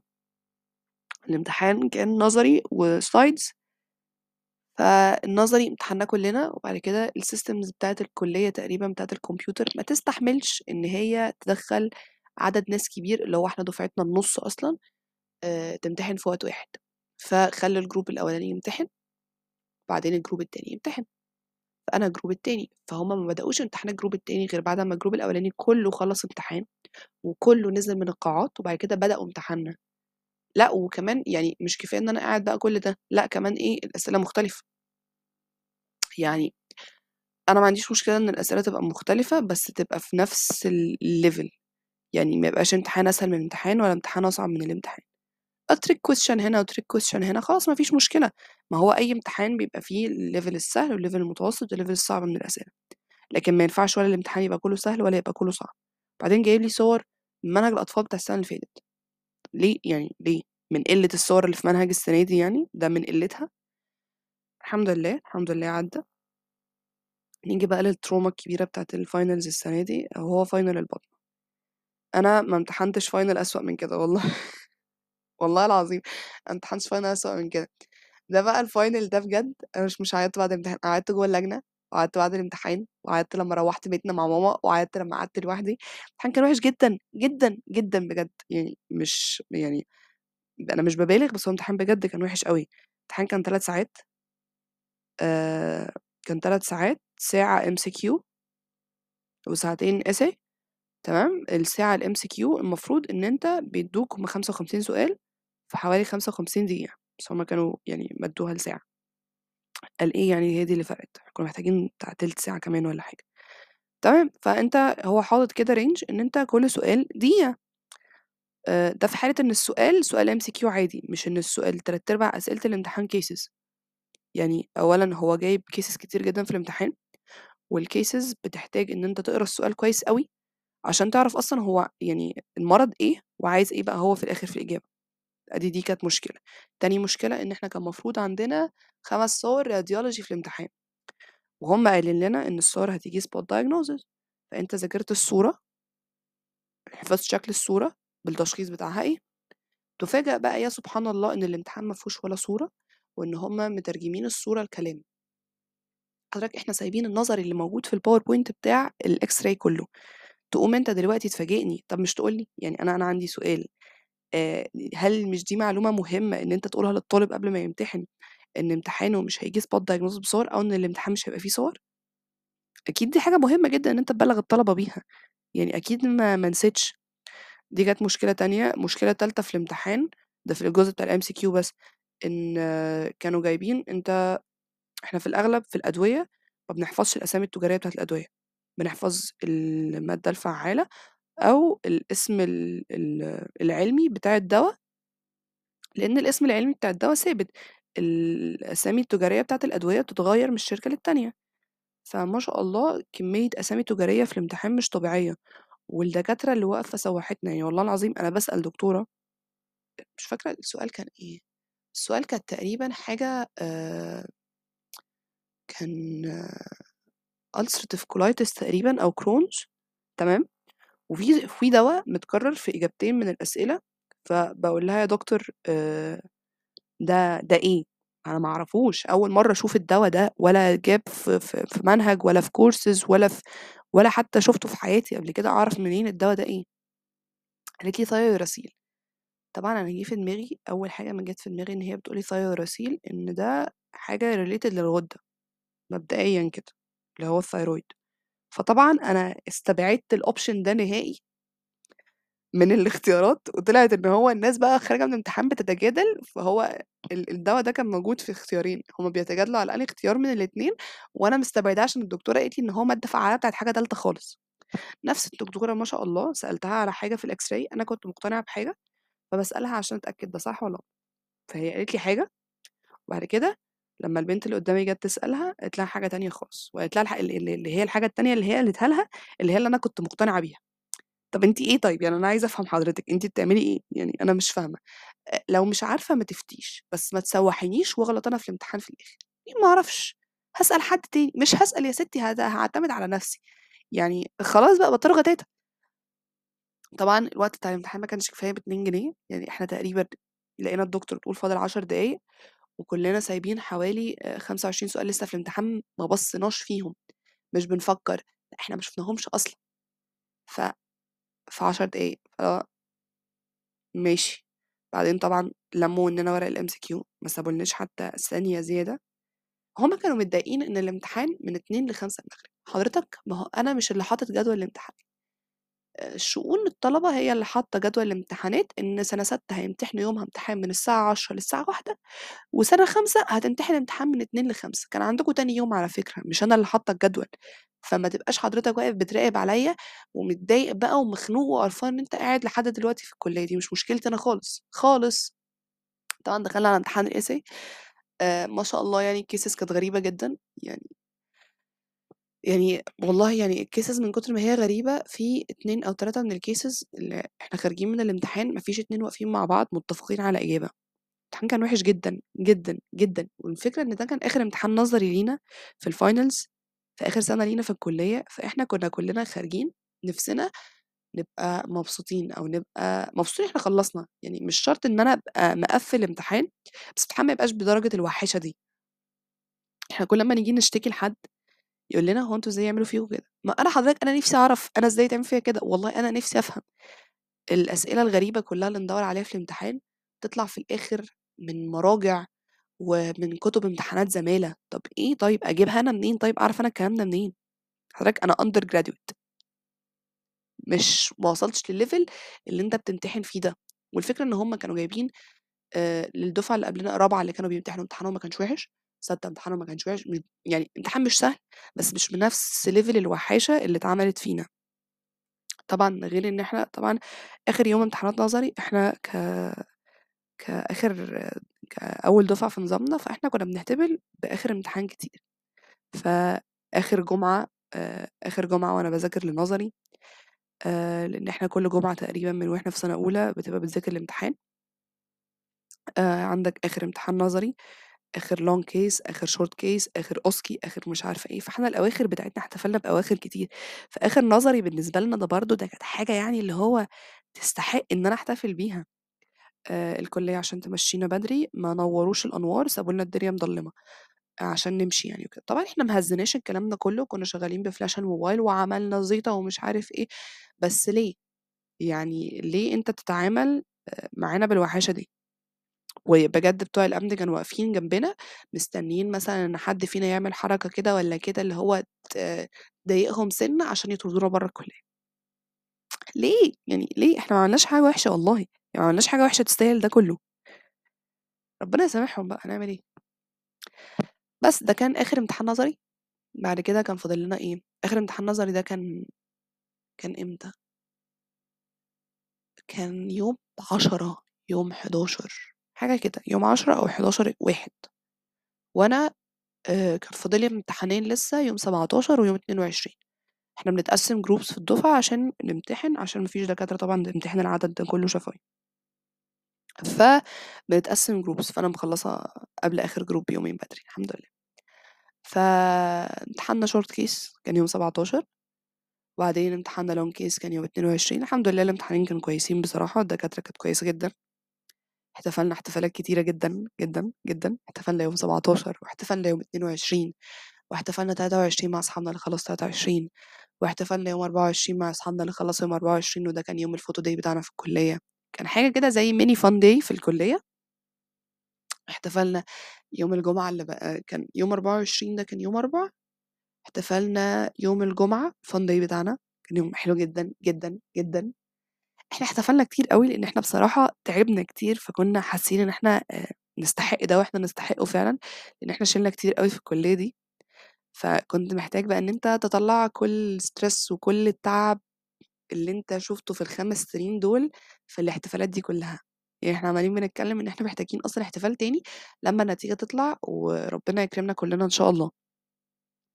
بس لأ، يعني الاحتفالات حلوة بصراحة يا جماعة ما أكدبش عليكم.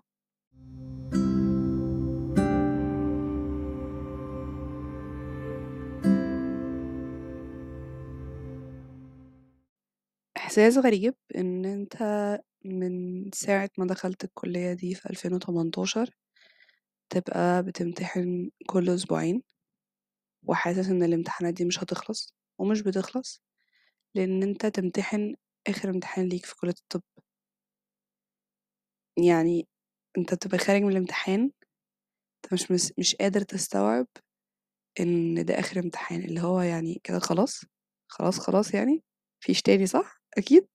مش هانام وأصحى ألاقيني في ليلة امتحان تاني، أصل إحنا آخر شهرين في الfinals دول بجد كنت تنام تصحى تلاقي نفسك ليلة امتحان، تنام تصحى تلاقي نفسك ليلة امتحان، مع إن الوقت ما بين كل امتحان والتاني ما كانش صغير، بس بجد يعني كمية امتحانات مهولة وكمية ليالي امتحانات كتيرة أوي، أوي، أوي يعني.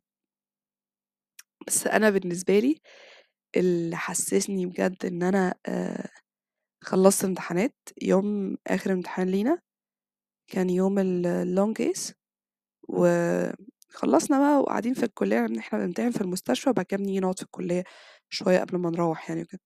فقاعدة في الكلية أنا وصحابي وكده و بعدين صحابي في حاجة غريبة، اتصرّفوا تصرفات غريبة، بعدين بابُص لقيت ماما جاية من ورايا، إيه ده؟ أنتِ إيه اللي جابِك؟ لأ يعني بجد، بجد وأنا باحضن أمي في الكلية في آخر يوم ليّا امتحانات، ده بجد اللي حسسني إن أنا خلّصت بجد. يعني إحساس لا يوصف. من كتر ما هو حلو. ومن كتر ما هو آآ أنت عايش الإحساس ده، بس أنت حاسس إن هو مش آآ مش حقيقي، خايف إن يحصل حاجة ت كإنّك بتحلم، خايف إن أنت فجأة تلاقي نَفْسك بتصحى وإن أنت لسه في سَنة أولى أصلًا بقى، وأنت ما عِشتش أي حاجة من اللي أنت عِشتها دي وأنت لسه بتبدأ أول سَنة في ال5 سنين كُلّهم. لأ، يعني كل اللي معايا في الدفعة هُم اللي هيبقوا حاسين الكلام ده، بس أي ناس خلّصت امتحانات، أي حد شال اللي إحنا شِلناه ده هيبقى فاهم إحساس اللي إحنا بنتكلّم عنّه ده. بس لأ، لأ، لأ، يعني الواحد قاعد في الإجازة أهو وعادي فاهم، أنا داخل شهر 3 ده اللي هو داخل ولا عنده دراسة بقى ولا عنده حاجة، ولا امتحانات ولا مش امتحانات ولا هو نازل بس شيفتات وخلاص. نعم هي مش حاجة بسيطة يعني بس still ما فيش امتحانات. أي امتحان بعد كده هيبقى بإرادتك أنت، أنت اللي دافع فلوس ورايح عشان تمتحن، ولا في كُلّية تقول لك عندك امتحان ولا عندك attendance ولا عندك مش عارف إيه، خلاص بقى. من دلوقتي وأنت اللي مسؤول عن كل حاجة أنت اللي بتعملها، مش مُجبر إن أنت تعمل حاجة، مش مضطر، أنت بت يعني هو أنت مضطر سيكا بصراحة. عشان عشان فلوس بقى، عشان ما تعيدش الround بس في نفس الوقت. ف يعني حاجات بسيطة، بس مش مضطر عشان درجات، يعني الدرجات بتذِل والله العظيم يا جماعة الدرجات بتذِل والغياب بيذِل و كانت كانت حاجة صعبة أوي يعني. ف لأ، يعني still feels unreal. بعدين عمّالة باحتفظ بكل حاجة، يعني البلالين ال اللي جات لي في يوم الphoto day هي لسه متماسكة، هاحتفظ بيها لمّا تخلص خلاص هاطبّقها وأشيلها، كنت عاملة notebook للناس آآ اللي أنا باحبهم يكتبوا لي فيها، طبعًا أنا لسه ما قريتش فيها أي حاجة. آآ وحاسة إن أنا هاعيّط كتير لمّا أقرأ اللي فيها لإن أنا بجد، بجد باحب الناس اللي أنا قابلتها آآ في كُلّيتي، ومتضايقة إن أنا في ناس حلوة كتير عرفتها في آخر كام شهر بس أو في آخر كام يوم بس، يعني بجد الناس دي كانت تستاهل إن أنت تعرفهم بدري عن كده، من كتر ما الناس دي كويسة. برضه في التيشيرت اللي كنا بنمضي فيه لبعض، في إيه تاني أنا محتفظة بيه؟ الgraduation cap بتاعي، الgraduation cap بتاعي أي حد عارفني عارف إن أنا باحب friends ف it was friends themed فهتلاقوه موجود عندي على الaccount بتاعي. فإيه تاني؟ آآ مش عارفة أقول إيه بصراحة يعني إحساس يعني مش عارفة حاسة إن أنا باهري سيكا وعمّالة باطوّل سيكا، بس الموضوع مش يعني مش قادر إن أنت توصفه في كلمات. وطبعًا، طبعًا، طبعًا، طبعًا ما أقدرش إن أنا أنكر آآ فضل أمي عليّا في إن هي واقفة جنبي، وإن ال5 سنين دول عدّوا، وإن سنين الدراسة اللي فاتت دي كلّها عدّت. آه أنا شاطرة، وآه أنا مجتهدة، وآه أنا باحط مجهود وكل حاجة، بس لو هي ما كانتش واقفة في ضهري وبتزُقّني عشان أكمّل كل ده وأعمل كل ده، أنا عمري ما كنت هاوصل للربع اللي أنا فيه دلوقتي من غيرها. آآ مش هاعيّط، مش هاعيّط، مش هاعيّط. أوكي، دلوقتي أنا آآ الناس اللي يعرفوني في الحقيقة عارفين إن أنا بالعب volley بالعب في الfirst team ما وقّفتش في ثانوية عامة، وما وقّفتش في الكلية لحد ما خلّصت 5 سنين، ما وقّفتش دلوقتي وهاحاول ما أوقّفش في الامتياز إن شاء الله يعني ربنا يكرم.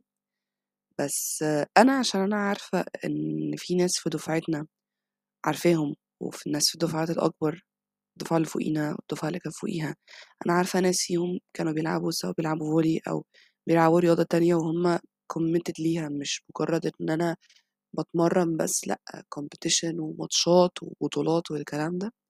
فأنا ساعات باحس إن اللي أنا باعمله ده عادي، يعني ما في ناس تانية بتعمله، إيه المشكلة يعني؟ مش مش خارقة أنا عشان أبقى باعمل كل ده. وب باتكسف لمّا في ناس بجد بتقعد تشكّر فيّا وإن برافو إن أنتِ ما وقّفتيش وإن commitment ومش عارف إيه، بس أنا يعني عشان أنا عارفة إن في ناس تانية، فساعات باحس إن عادي يا جماعة والله أنا ما باعملش حاجة، بس في نفس الوقت أنا اتسألت كتير من من كذا من كذا حد، سواء من الكلية عندنا أو صحابي مثلًا في كليات تانية أو كانوا بيلعبوا volley مثلًا وبطّلوا أو كده. آمم كمّلتِ إزاي أو إحساسِك إيه وأنتِ ما وقّفتيش وكنتِ شايلة الاتنين مع بعض والكلام ده؟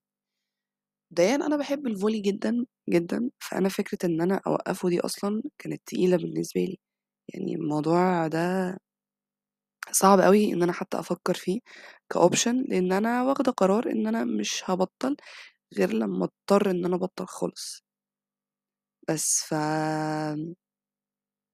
فأنا كنت مقتنعة إن طالما أنا فضلت آآ متمسكة بالفولي وأنا في ثانوية عامة بغض النظر عن الخناقات الكتير اللي كانت بتحدث حوالين إن أنا مكملة فولي مع الدروس ومش تعملي حاجة ومش عارف إيه والكلام بقى بتاع القرايب والحاجات ال اللي من تحت لتحت اللي إحنا كلنا عارفينها يعني بس فأنا اقتنعت إن أنا طالما خلاص طالما أنا قدرت آآ وأنا في ثانوية عامة إيه اللي يخلّيني ما أقدرش في الكلية؟ يعني إيه اللي يمنعِك إن أنتِ آآ تحاولي وتجرّبي ومش تحاولي آآ محاولة أنتِ مستنياها تفشل، لأ أنتِ حاولي محاولة تتمسّكي. عشان أنتِ بتحبي الاتنين. فدي كانت مشكلة كبيرة عندي إن أنا كنت باحاول أساوي ما بين ال volley وما بين الدراسة. يعني كان الناس دايمًا كل الأهالي يقولوا إيه ال الرياضة حلوة ومش عارف إيه بس دايمًا دراستك الأولى ومش أنا ما ك دي غلطة في شخصيتي أنا ومش عارفة أعدّلها، إن أنا كنت باساوي ما بين الاتنين. فكنت باحاول على قد ما أقدر إن أنا أوزّع المجهود ما بين الاتنين صح. وفي نفس الوقت في نوعًا ما social life بقى أصحابي اللي مش في الكلية، فاللي باحاول أشوفهم، فيعني كانت الدنيا بتضرب كلّها في بعضها، يعني يا إما باقصّر في الفولي، يا إما باقصّر في الدراسة، يا إما باقصّر في الاتنين مع بعض، فدي بقى كانت بتبقى أيام دمار يعني، اللي هو خلاص هي باظت من هنا وباظت من هنا، أنا أنهار دلوقتي ومش هيفرق معايا بصراحة يعني، خلاص. فخلاص يعني خدت القرار وهنكمّل وخلاص. طبعًا انهيارات كتير في النُص، لإن يعني إحنا بنتكلّم في الطِب نَفْسها ك ك كان كنظام قديم كانت صعب إن أنت تبقى بتعمل حاجة ما جنب الكلية، ما بالك بقى في نظام جديد وأنت مضغوط ال6 سنين في 5 سنين والدرجات قليّلة والغلطة في الامتحان بفورة والغلطة في أي حاجة بفورة، فاللي هو طَب تمام هاعمل إيه؟ والفكرة إن أنت استكشفت كل ده، أنت بتستكشف كل ده يعني أنت عشان إحنا أول دُفعة في النظام، فأنا باستكشف ده وأنا ماشية، مش حد مثلًا حذّرني. طبعًا كان في ناس اللي بتحذّرني قبل أمّا أدخل الكلية بلاش عين شمس، بلاش عين شمس، وطبعًا أنا اللي عملت فيها قُبّة، لأ وأنا هاقدر وأنتم اللي مش عارف إيه، كلام كلّه بتنجان، أنا دلوقتي اللي باحذّر الناس إنها تدخل عين شمس. آه، ف لكن فكرة إن النظام جديد وأنا باستكشفه مع نَفْسي وأنا ماشية إن ده ينفع وده ما ينفعش وإن أنا ما كانش المفروض أعمل كده، طَب بعدين أنا عرفت بقى إن ما كانش المفروض أعمل كده، أعمل إيه؟ ما هو اللي حصل، حصل. ما فيش ما فيش إن أنا أقدر أصلّح حاجة، طبعًا ما فيش أي consideration من الكلية عندنا لأي آآ طلبة رياضيين في إن نأجّل امتحان، آآ يبقى مثلًا زي في حاجة زي extra credit مثلًا. عادي الكلام ده كده، كده إحنا عين شمس يعني أنا باتكلّم في إيه، ما بيعتمدوش الكلام ده، بس هو حضرتك كانت هتبقى حاجة كويسة جدًا لو أنت قدّرت الناس اللي قادرة تتمسّك بالرياضة جنب الدراسة، والدراسة مش سهلة. بس اللي حصل يعني، وأنا برضه ما كنتش في في GUC ولا حاجة عشان يعملوا معايا كده. بس هي الفكرة إن الموضوع ما كانش سهل، يعني بصراحة الموضوع ما كانش سهل، اللي كان بيهوّن على الواحد إن أنا باحب دي وباحب دي، فأنا ه هت هاستحمل، هاستحمل قرف في الماتشات، قرف في سفر، في تمارين، في مش عارف إيه، الوقت مش سامح وما ينفعش أغيب النهارده، مع النهارده ماتش مثلًا وبكرة امتحان، ماتش ليلة الامتحان، بس في نفس الوقت ما ينفعش أغيب من الماتش. فغصبٍ عنِّك هتنزلي بكتبِك في الماتش، قاعدة برّه باذاكر لحد ما ييجي دوري أنزل في الملعب وأخرج أكمّل مذاكرة، ما ما فيش option تاني، بس خلاص هتعملي إيه؟ الفكرة كلّها اللي اتعوّد على المنافسة وال وفرحة وأنت بتجيب الpoint، فرحة إنّك كسبت الgame بتاعك، فرحة إن أنت كسبت الماتش، الحاجات دي صعب إن أنت تتخلّى عنها، صعب إن أنت توقّفها عادي كده. ف لأ، يعني مش ندمانة بصراحة إن أنا كمّلت الفولي جنب الدراسة، مش ندمانة، دي من الحاجات اللي أنا فخورة إن أنا قدرت أعملها، بغض النظر عن قد إيه أنا جيت على نَفْسي في خلال ال5 سنين، والرياضة ساعات كانت بتيجي على الدراسة، والدراسة كانت بتيجي على الرياضة، وده يعني في points معيّنة في حياتي أنا فاكراها مش ناسياها، بس لأ، مش حاسة إن أنا ندمانة إن أنا كمّلت. آآ لإن زي ما قُلت أنا باحب الvolley فما كنتش متخيّلة حياتي لو أنا آآ مع إن في ناس أنا أعرفهم كانوا بيلعبوا volley وهُم أصغر منّي ووقّفوا وحياتهم ماشية كويس جدًا، بس أنا مش قادرة أتخيّل شكل حياتي هيبقى عامل إزاي لمّا أوقّف volley أو لو كنت وقّفت volley يعني لو سنين الدراسة كان ورايا الدراسة بس، أنا مش قادرة أتخيّل حاجة زي كده، أنا باحب حياتي تبقى زحمة، يعني أنا من الناس القليّلة اللي هتلاقيها كانت بتحب ثانوية عامة. مش باحب ثانوية عامة ك ك كدراسة وباكره الشهرين بتوع الfinals اللي في الآخر، أنا باحب ثانوية عامة كإن أنا كنت كانت حياتي متسيستمة على زحمة معيّنة. يعني إحنا عندنا أول الأسبوع في ماتشات وتمارين، آخر الأسبوع في دروس وماتشات وتمارين.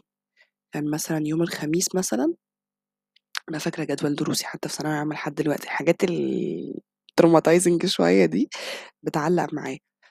آآ كنت من عندي درسين يوم الخميس، بعد كده كنت بالعب وأنا في ثانوية عامة كنت مع فرقتين، كان عندي درسين يوم الخميس، وبعدين كان عندي ماتش بالليل مع الفرقة بتاعة سِنّي، وبعدين مثلًا تاني يوم كان بيبقى عندنا ماتش في إسكندرية، فكنا بنخلّص الماتش بتاع بالليل ونطلع بالقطر أنا والكابتن بتاع الفرقة بتاعتنا والبنتين أو 3 اللي كانوا بيبقوا معايا في الفرقة الكبيرة، بنسافر بالقطر عشان عندنا ماتش تاني يوم، وبعد كده أرجع من الماتش تاني يوم ده نرجع الجمعة بالليل بعد الماتش، نخلّص في دروس يوم السبت وندوّر على مواعاد ميعاد لتعويض الدرس بتاع الد الدروس بتاعة يوم الجمعة.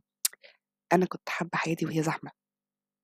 أنا باحب حياتي وهي مشغولة، أنا يعني بغض النظر إن أنا مستمتعة بالأجازة جدًا اليومين دول وأنا قاعدة ما باعملش حاجة غير إن أنا بانام وبانزل التمارين والماتشات، بس فكرة إن أنا حياتي زحمة وأنا متسيستمة على الزحمة دي، ما فيش وقت إن أنا أريّح وإن أنت دايمًا آآ طبعًا ثانوية عامة وstress ثانوية عامة والمجموع والكلام ده، فما كانش عندي الoption إن أنا أريّح أو أتكاسل في الدراسة مثلًا أو حاجة، لإن آآ برضه أهلي كان بالنسبة لهم الدراسة أهم من الvolley في سَنة زي دي بالذات، وإن عشان المجموع والكلام ده، وأنا أمي كانت من الناس اللي مش فارق معاها المجموع أوي على قد ما هي كان فارق معاها إن هي عارفة إن أنا نِفْسي في الكُلّية، فأنا هازعل جامد لو ما جِبتش المجموع وما دخلتهاش، فهي كانت بتشِد عليّا عشان خايفة على زعلي، يعني هي مش مش فارق معاها الكُلّية أصلًا، بس هي بتخاف عليّا، فخايفة على زعلي إن أنا أزعل جامد يحصل حاجة أو كده، فخلاص. فهي الفكرة كُلّها إن أنا كنت على طول شادة آآ كل حاجة، مركّزة في ده ومركّزة في ده ومركّزة في ده، عشان once إن أنا ريّحت في حاجة فيهم، هيتقال لك بُص بتريّح، بُص آآ مش عارف إيه، راحت عليها مش عارف إيه، كلام بقى عبيط كده ما لوش أي تلاتين لازمة أصلًا ولا أي صحة، بس هي الفكرة كُلّها في حاجة الناس بتبقى مستنية على الغلطة في السنين المصيرية اللي زي دي. يعني أنا أفتكر إن أنا أول ما جالي المجموع ودخلت و وخلاص والتنسيق طِب عين شمس خلاص، مش عارفة كانت حد نعرفه والّا مين، قال لك: "أكيد بقى هتبطّلي volley و وكده خلاص بقى تركّزي في دراستِك." ومش عارف إيه، وبعدين أنا الناس كلّها عارفة إن أنا نِفْسي أطلع حاجة فيها جراحة، ده من وأنا صغيرة عامةً ده ي مش حاجة مثلًا لمّا دخلت كده في ابتدائي، ف آآ ويحصل حاجة في إيدِك بقى تتصابي ودي مش إيدين جراحين، هو إيه الإيدين أنتِ هتعرفي إيدين الجراحين منين يا طنط يعني أنا عايزة أفهم حضرتِك هتعرفي إيدين الجراحين منين؟ مقطّعين يعني العيلة عندكم غرقانة جراحين فأنتِ عارفة شكل إيديهم، أنتِ مالِك؟ ناس صعبة والله يا جماعة يعني الواحد كان بيسمع شوية كلام حاجات غريبة. بس نرجع للpoint تاني عشان ما نندمجش عشان الحلقة هتطول منّي بزيادة. آآ لأ، مش مش ندمانة، الموضوع كان صعب، الموضوع مش سهل. آآ لإن أنا إيه، كان بيبقى عندنا ماتشين في الأسبوع، 3 أيام تمارين ويومين الأجازة، ويومين الأجازة مش شرط يبقوا أجازة، أجازة أوي عشان بيبقى في دراسة وفي الكلام ده. وطبعًا لازم الtop form لازم آآ تبقى كويس في التمرين، كويس في الماتشات، لازم ما تريّحش. طبعًا ولو اتأخّرت يعني الناس كلّها عارفة إن أنت عندك كذا، وعندك كذا، وعندك كذا، وحياتك مشغولة ومش عارف إيه، بس في نفس الوقت أنا ما باحبّش آآ إحساس يعني أنا ما باحبّش أريّح، وما باحبّش أعتمد على حد، وما باحبّش حد يحسّسني إن هو ليه جمايل عليّا، فأنا باعمل اللي عليّا للآخر. ففي تمرين النهارده، بس في نفس الوقت في course، لو هاعرف أخلع من آخر نُص ساعة من ال course عشان ألحق أروح التمرين من أوّله، أو متأخّرة ربع ساعة وصحابي يسجّلوا لي ال course فخلاص. هتتحل. لو حصة مهمة في ال course آآ هافكس للتمرين بصراحة، يعني لو حاجة أنا محتاجة حاسة إن أنا محتاجة إن أنا أبقى حاضراها كلّها، لأ، هاحضرها، لإن أنا برضه ما باحبش الأونلاين، باكره الأونلاين، ده أفشل حاجة اتعملت في التعليم. بجد، أو أنا يمكن عشان أنا شايفة كده لإن أنا ما باحبش الفرجة على اللابتوب والكلام ده آآ في البيت، باقعد بقى ألِف في البيت ون وقت وأقعد في الفيديو 3 أسابيع وحاجات غريبة كده. فعشان كده كانت أصلًا المذاكرة برّه البيت في المكتبة أو في سيلانترو مثلًا أو كده، دي اللي كانت بتسعفني في حوار ال videos ده. بس لأ، أنا أحب آخُد الcourse في الcenter قدّامي الدكتور يخلّص الشرح اللي هتخلّصه دلوقتي وأنا عارفة إن أنا آآ غصبٍ عنّي لازم أبقى مركّزة عشان ما يُقعش منّي حاجة، فأنتِ قاعدة قدّام الدكتور دلوقتي، ركّزي بقى عشان نخلص من الكلام ده كُلّه.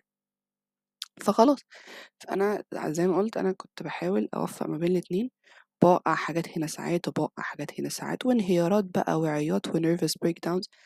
آخر آخر nervous breakdown كانت في التمرين في وسط الfinals. كانت تمرينة في وسط الfinals.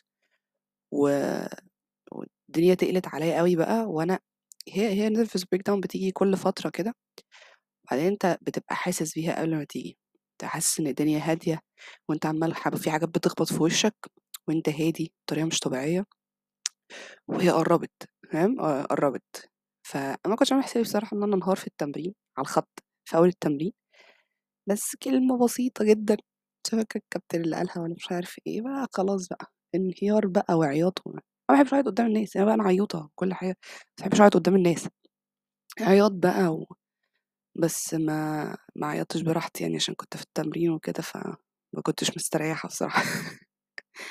بس فيعني عادي ده ده دي حياتنا العادية، عياط وانهيارات وهاروح إزاي وهالحق إزاي، وبعدين بقى في يعني في كمان ال الجانب بقى إن أنت بتحاول برضه تضبط الsocial life بتاعتك.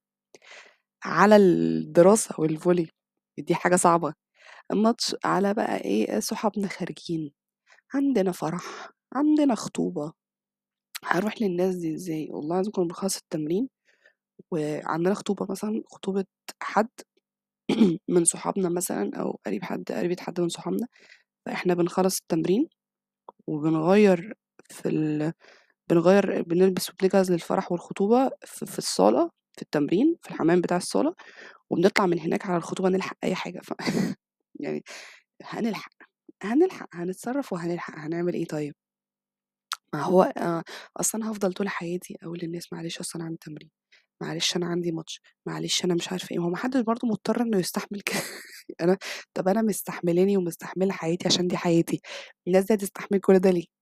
يعني ف لأ، بس حياة كانت مليئة يعني 5 سنين مليانين أكشن مليانين أكشن بقى آآ ومغامرات غريبة يعني هل أج هل أعيدهم تاني؟ ما أعتقدش، كفاية إن أنا عِشتهم مرّة. هل ندمانة إن أنا كمّلت الvolley جنب الدراسة؟ لأ.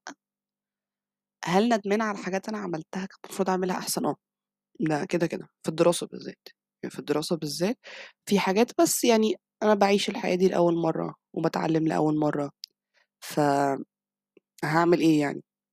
آآ لأ، في في حاجات يعني أنا بأنِّب أنا ن نوعية الناس اللي دماغها شغّالة على طول، فعلى طول باعاقب نَفْسي على حاجات اتعملت من 10 سنين، فما بالكم بقى بحاجات ف حصلت في خلال ال5 سنين بتوع الكُلّية، أكيد باعاقب نَفْسي عليهم طبعًا.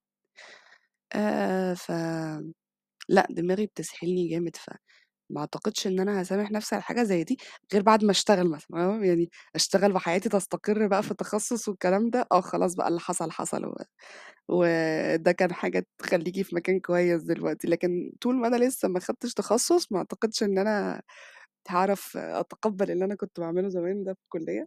أصل أنا كنت تعبت أوي، تعبت أوي، كنت خارجة من المدرسة على طول الناس شايفاني الدحّيحة واللي بتذاكر على طول، وكنت على طول مطلوب منّي إن أنا عشان خلاص أنا طلعت من الأوائل سنتين، 3 ومسابقات أوائل الطلبة، فالناس على طول في دماغها إن أنتِ لازم تطلعي، أنتِ لازم تطلعي، وإن لو ما طلعتيش الناس هتتكلّم تقول مش عارف إيه، واللي هيتريقوا مثلًا من صحابنا بتوع المدرسة. أنا يعني خلاص يا جماعة أنا الناس اللي كانت بتتنمّر عليّا في المدرسة عشان أنا دحّيحة والكلام ده أنا مسامحاكم وكل حاجة، بس أنتم كنتم over ما خلاص بقى يعني ما خلاص كنت دحّيحة، أنا باحُط المجهود بس باحب العلم، باحب العلم بس أنا في يعني في الclinicals والحاجات العملي كويسة جدًا، بس أنا في الامتحانات النظري فاكرة كل حاجة ما عدا الإجابة، يعني فاكرة شكل الصفحة بالسطر بلون الكلمة أنا كنت ملوناها بhighlighter إيه، الإجابة نفسها إيه، باحتار ما بين 2 وفي الأغلب باختار الغلط أو باختار الصح وباغيّرها للغلط، فخلاص بقى، فكان على طول الناس شايفة الدحيحة وأوائل وأوائل الطلبة ومش عارف إيه، أنا كنت مسحولة في الحاجات دي جدًا وأنا في المدرسة، ف فالناس كلّها بقى إيه خلاص دخلت الكلية بقى الحمد لله ما حدش عارف حاجة عن حياتنا جوّه الكلية، بس هُم بالنسبة لهم أنا دحيحة برضه لإن أنا دخلت طِب. يا جماعة والله هي مش كده، بس اللي أنتم شايفينه، يعني خلاص بقى ما أنا مش هامشي أغيّر رأي واحد، واحد فيّا، يعني اتفلقوا أعمل لكم إيه؟ أعمل لكم إيه، خلاص طاقتي خلصت والله، يعني هي طاقتي يا دوبك على العيشة، على العيشة ما بين الدراسة والvolley وإن أنا باحاول أضبّط الsocial life مع الناس اللي ساكنة قريب والناس اللي ساكنة بعيد والناس اللي كلياتها فيها مش عارف إيه والناس اللي كلياتها فيها تسليمات وحاجات كتير، أنا بقى باحاول أضبّط كل ده مع مع بعضه، عشان أعرف إيه، نرضي كل الأطراف، أرضي نفسي وأرضي الناس اللي حواليّا، فاللي هو ما تطلبوش منّي أكتر من كده خلاص بقى، دي طاقتي، دي طاقتي. أنا في خلال أسبوعين مثلًا من يعني في خلال أول أسبوع أمّا خلّصنا الأجازة تقريبًا شُفت تلات أرباع الناس اللي أنا ما كنتش أنا كنت عاملة حسابي إن أنا نفسي أشوف الناس دي كلّها، بس مش ورا بعض كده. الsocial battery بتاعتي ما تستحملش إن أنا أشوف كمية الناس دي كلّها، بس عدِّت الحمد لله. بس، فنقدر نقول إن هُم كانوا 5 سنين آآ eventful يعني مش فاضيين، مش دراسة بس، فمش عارفة هل في حاجة تانية ينفع تتقال على ال5 سنين غير إن هُم كانوا أكتر يعني ما فيش وصف مناسب بالنسبة لي أكتر من كلمة eventful. يعني هُم مش حلوين، مش أحسن حاجة أنا عِشتها في حياتي، مش أسوأ حاجة أنا عِشتها في حياتي، بس شخصيتي اتغيّرت كتير فيهم، يعني أنا نادين اللي كانت في المدرسة لحد إعدادي مثلًا، غير نادين بتاعة ثانوي، غير نادين في أول سَنة جامعة، غير نادين بتاعة دلوقتي خالص، دول كلّهم نادينات مختلفين خالص عن بعض، تربط ما بينهم حاجات بسيطة، بس الشخصية مختلفة تمامًا. تمامًا. للأحسن، يعني هي الحمد لله بتتغيّر للأحسن، فدي حاجة أنا فخورة بيها، لإن لإن أنا برضه كنت من الناس اللي هي آآ لو حد سمع الحلقة الepisode بتاعة ال الintrovert اللي أنا كنت عاملينها قبل كده، ولو ما حدش سمع ولسه بيسمعنا جديد ممكن تجرّبوها يعني مش هتخسروا حاجة. آآ أنا كنت شخص introvert جدًا، وكنت معتمدة إن أنا ليّا صاحبة واحدة بس و وأقرب حد ليّا ومش عارف إيه، ومش عايزة صحاب تانية، ومش فارق معايا يبقى عندي صحاب تانية، والناس دي بتيجي ما تعرفنيش بتيجي تكلمني وتفتح مواضيع معايا إزاي، أقول لِك إيه طيب، مش عرّفني أنا لو قُلت حاجة هتضايقِك والّا مش هتضايقِك وكده. وبعدين بقى دخلت ثانوي وبدأت أصعد في فرق أكبر، آآ بدأت أحتك بناس في الدروس، في ثانوية عامة كنت باروح أعوّض لوحدي في سناتر مختلفة، فاللي هو اتعودت لإن أنا آآ نتعرّف على ناس ونعمل صحاب هنا وصحاب هنا وصحاب هنا عشان شخصيتنا، عشان ما نقعدش لوحدنا، عشان إحنا ما نتضايقش. مش عارفة ليه باقول عليّا إحنا، بس ما علينا. آآ بس، فيعني لأ، يعني هُم مش أوحش سنين في حياتي، مش أحسن سنين في حياتي، هُم في النُص، في حاجات traumatizing حصلت في النُص، حاجات كويسة، حاجات وحشة، آآ في حاجات عادية. بس الحمد لله على كل حاجة يعني، الحمد لله إن هُم ال5 سنين عدّوا وأنا قدرت أفضل متمسكة بإن أنا ما ما أوقّفش volley وفي نفس الوقت ما أخربش الدنيا في الدراسة على الآخر. إن أنا حاولت على قد ما أقدر إن أنا أعمل balance ما بين الاتنين. وأظن إن أنا إلى حدٍ ما نجحت، يعني مش 100% بس إلى حدٍ ما نجحت في إن أنا أحافظ على مستوى في ال في في في الدراسة وفي الvolley. بس.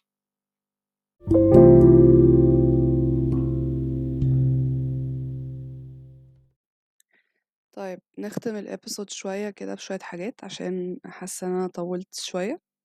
مش عارفة الepisode هتطلع قد إيه في الآخر، بس يعني اللي بيسمعنا من season 1 عارف إن إحنا ب بنحب إن إحنا نرغي أنا ولنا وتطوّل مننا سيكا، فمش جديد يعني. آآ بس نحب ندّي حتّة تقدير كده appreciation ل للي فاضل في الدفعة بتاعتي. عشان إحنا كنا بادئين وإحنا في سنة أولى حوالي ممكن 1200 1300 مثلًا، اللي فاضل دلوقتي يعني ما بين ال600 وال700 اللي فاضل إحنا بنخلّص وبنتخرّج مع بعض، هو ده اللي فاضل. دول اللي صمدوا واستحملوا اللي حصل فيهم ال5 سنين اللي فاتوا عشان نوصل لمرحلة إن إحنا بنتخرّج يعني. فنحب ندّي حبّة تقدير للناس اللي استحملت دي، وإن إحنا شُفنا كتير، وإن أنا مبسوطة بالناس اللي أنا عارفاها كلّها، وحتى اللي ما أعرفهمش طالما أنتم استحملتوا كل ده، فأنتم بجد شاطرين وربنا معاكم، معانا كلّنا في اللي جاي كلّه. آآ شوية نصايح للناس اللي لسه ما ما وصلتش للي إحنا فيه ده. ما ت ما تعلّقش حياتك أو ما تربطش حياتك بالدرجات. الحياة في مصر بس أو الحياة في عين شمس بس هي اللي مرتبطة بدرجات، بس. آآ ما حدّش برّه بيبُص على درجات، أغلب الحاجة برّه مصر pass or وبمجهودك وبشطارتك في شغلك. فحاول على قد ما تقدر إن أنت تبقى شاطر في الclinical skills اللي أنت هتستخدمها، شاطر في الcommunication skills مع الدكاترة أو مع العيانين، آآ اتعرّف على ناس كتير على قد ما تقدر، اعمل صحاب كتير في دفعتك، بجد، بجد بتكتشف ناس كويسة جدًا في آخر كام يوم في الدفعة. حاجة يعني الواحد كان نِفْسه يعرف الناس دي من بدري بجد. فما توقّفش حياتك على الدرجات، الحياة ما بتقفش، الحياة مكمّلة عادي يعني، حياتك أنت بس اللي واقفة. وحتى حياتك أنت مش واقفة، أنت اللي وقفت، حياتك مكمّلة والناس حواليك مكمّلة، ما حدش فارق معاه أي حاجة. فدي مش آخر محطة في الطريق يعني ولا ده آخر المطاف إن أنت آآ توقّف حياتك كلّها على درجة امتحان واحد أو امتحانين. بس. آآ مش عارفة هل في حاجة تانية آآ كانت مهمة في خلال ال5 سنين اللي فاتوا أنا نسيت أقولها والّا لأ؟ آآ بس أنا رغيت كتير عن ال5 سنين اللي فاتوا. آآ جزء كبير من حياتي آآ ما أعتقدش إن أنا هيبقى نِفْسي أرجع لهم تاني لأ. ممكن نِفْسي أرجع للأيام بتاعة الاحتفالات اللي آخر كام يوم، بس ما ما أعتقدش إن أنا نِفْسي أرجع لل أو للأيام بتاعة الclinical. اللي هو إن إحنا بننزل نقعد مع أصحابنا ونفطر ونروح الcourse ونقعد نرغي ونروّح سوا أو نخرج سوا بعد الcourse أو الكُلّية. دي الحاجات اللي ممكن الواحد توحشه، لكن كأيام الدراسة نَفْسها لأ ما توحشنيش في حاجة بصراحة. ما فيش حد ما حدش له عليّا جمايل. آآ بس يعني لكن الاحتفالات لأ، الواحد نِفْسه إنها تتكرر تاني بصراحة ويعيشها تاني وتالت، تستاهل بصراحة إن هي تتعاد. آآ بس، فأنا باقول لكم ما أعتقدش إن في حاجة أنا نسيت أقولها، على ما أعتقد يعني، أعتقد إن أنا حكيت الحاجات المهمة كلّها في رحلة ال5 سنين بتوعي في كُلّية طِب. ونهاية ال5 سنين دول بانتهاء ال5 سنين ككل كطالبة في كُلّية طِب، ده كان كمان انتهاء لمسيرتي كstudent athlete اللي بدأت من وأنا عندي 8 سنين أو 9 سنين وأنا في المدرسة، لحد آخر امتحان ليّا في كُلّية طِب. آآ بعد كده بقى هابقى بغض النظر عن المسمى الوظيفي، وهافضل متمسكة بالvolley لحد ما لحد ما يبقى صعب يعني، لحد أمّا خلاص ما ما فيش الoption ده.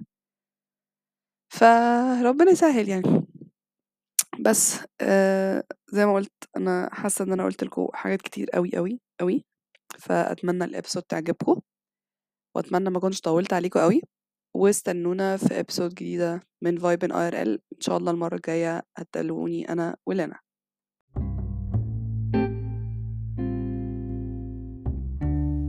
Thank you for listening to this episode. يا رب تكون عجبتكم و please don't hesitate إن أنتوا تبعتوا لنا آه، رأيكم عن ال episode أو أي topics عايزين نتكلم عنها. This was another episode of Vibe and IRL. Bye!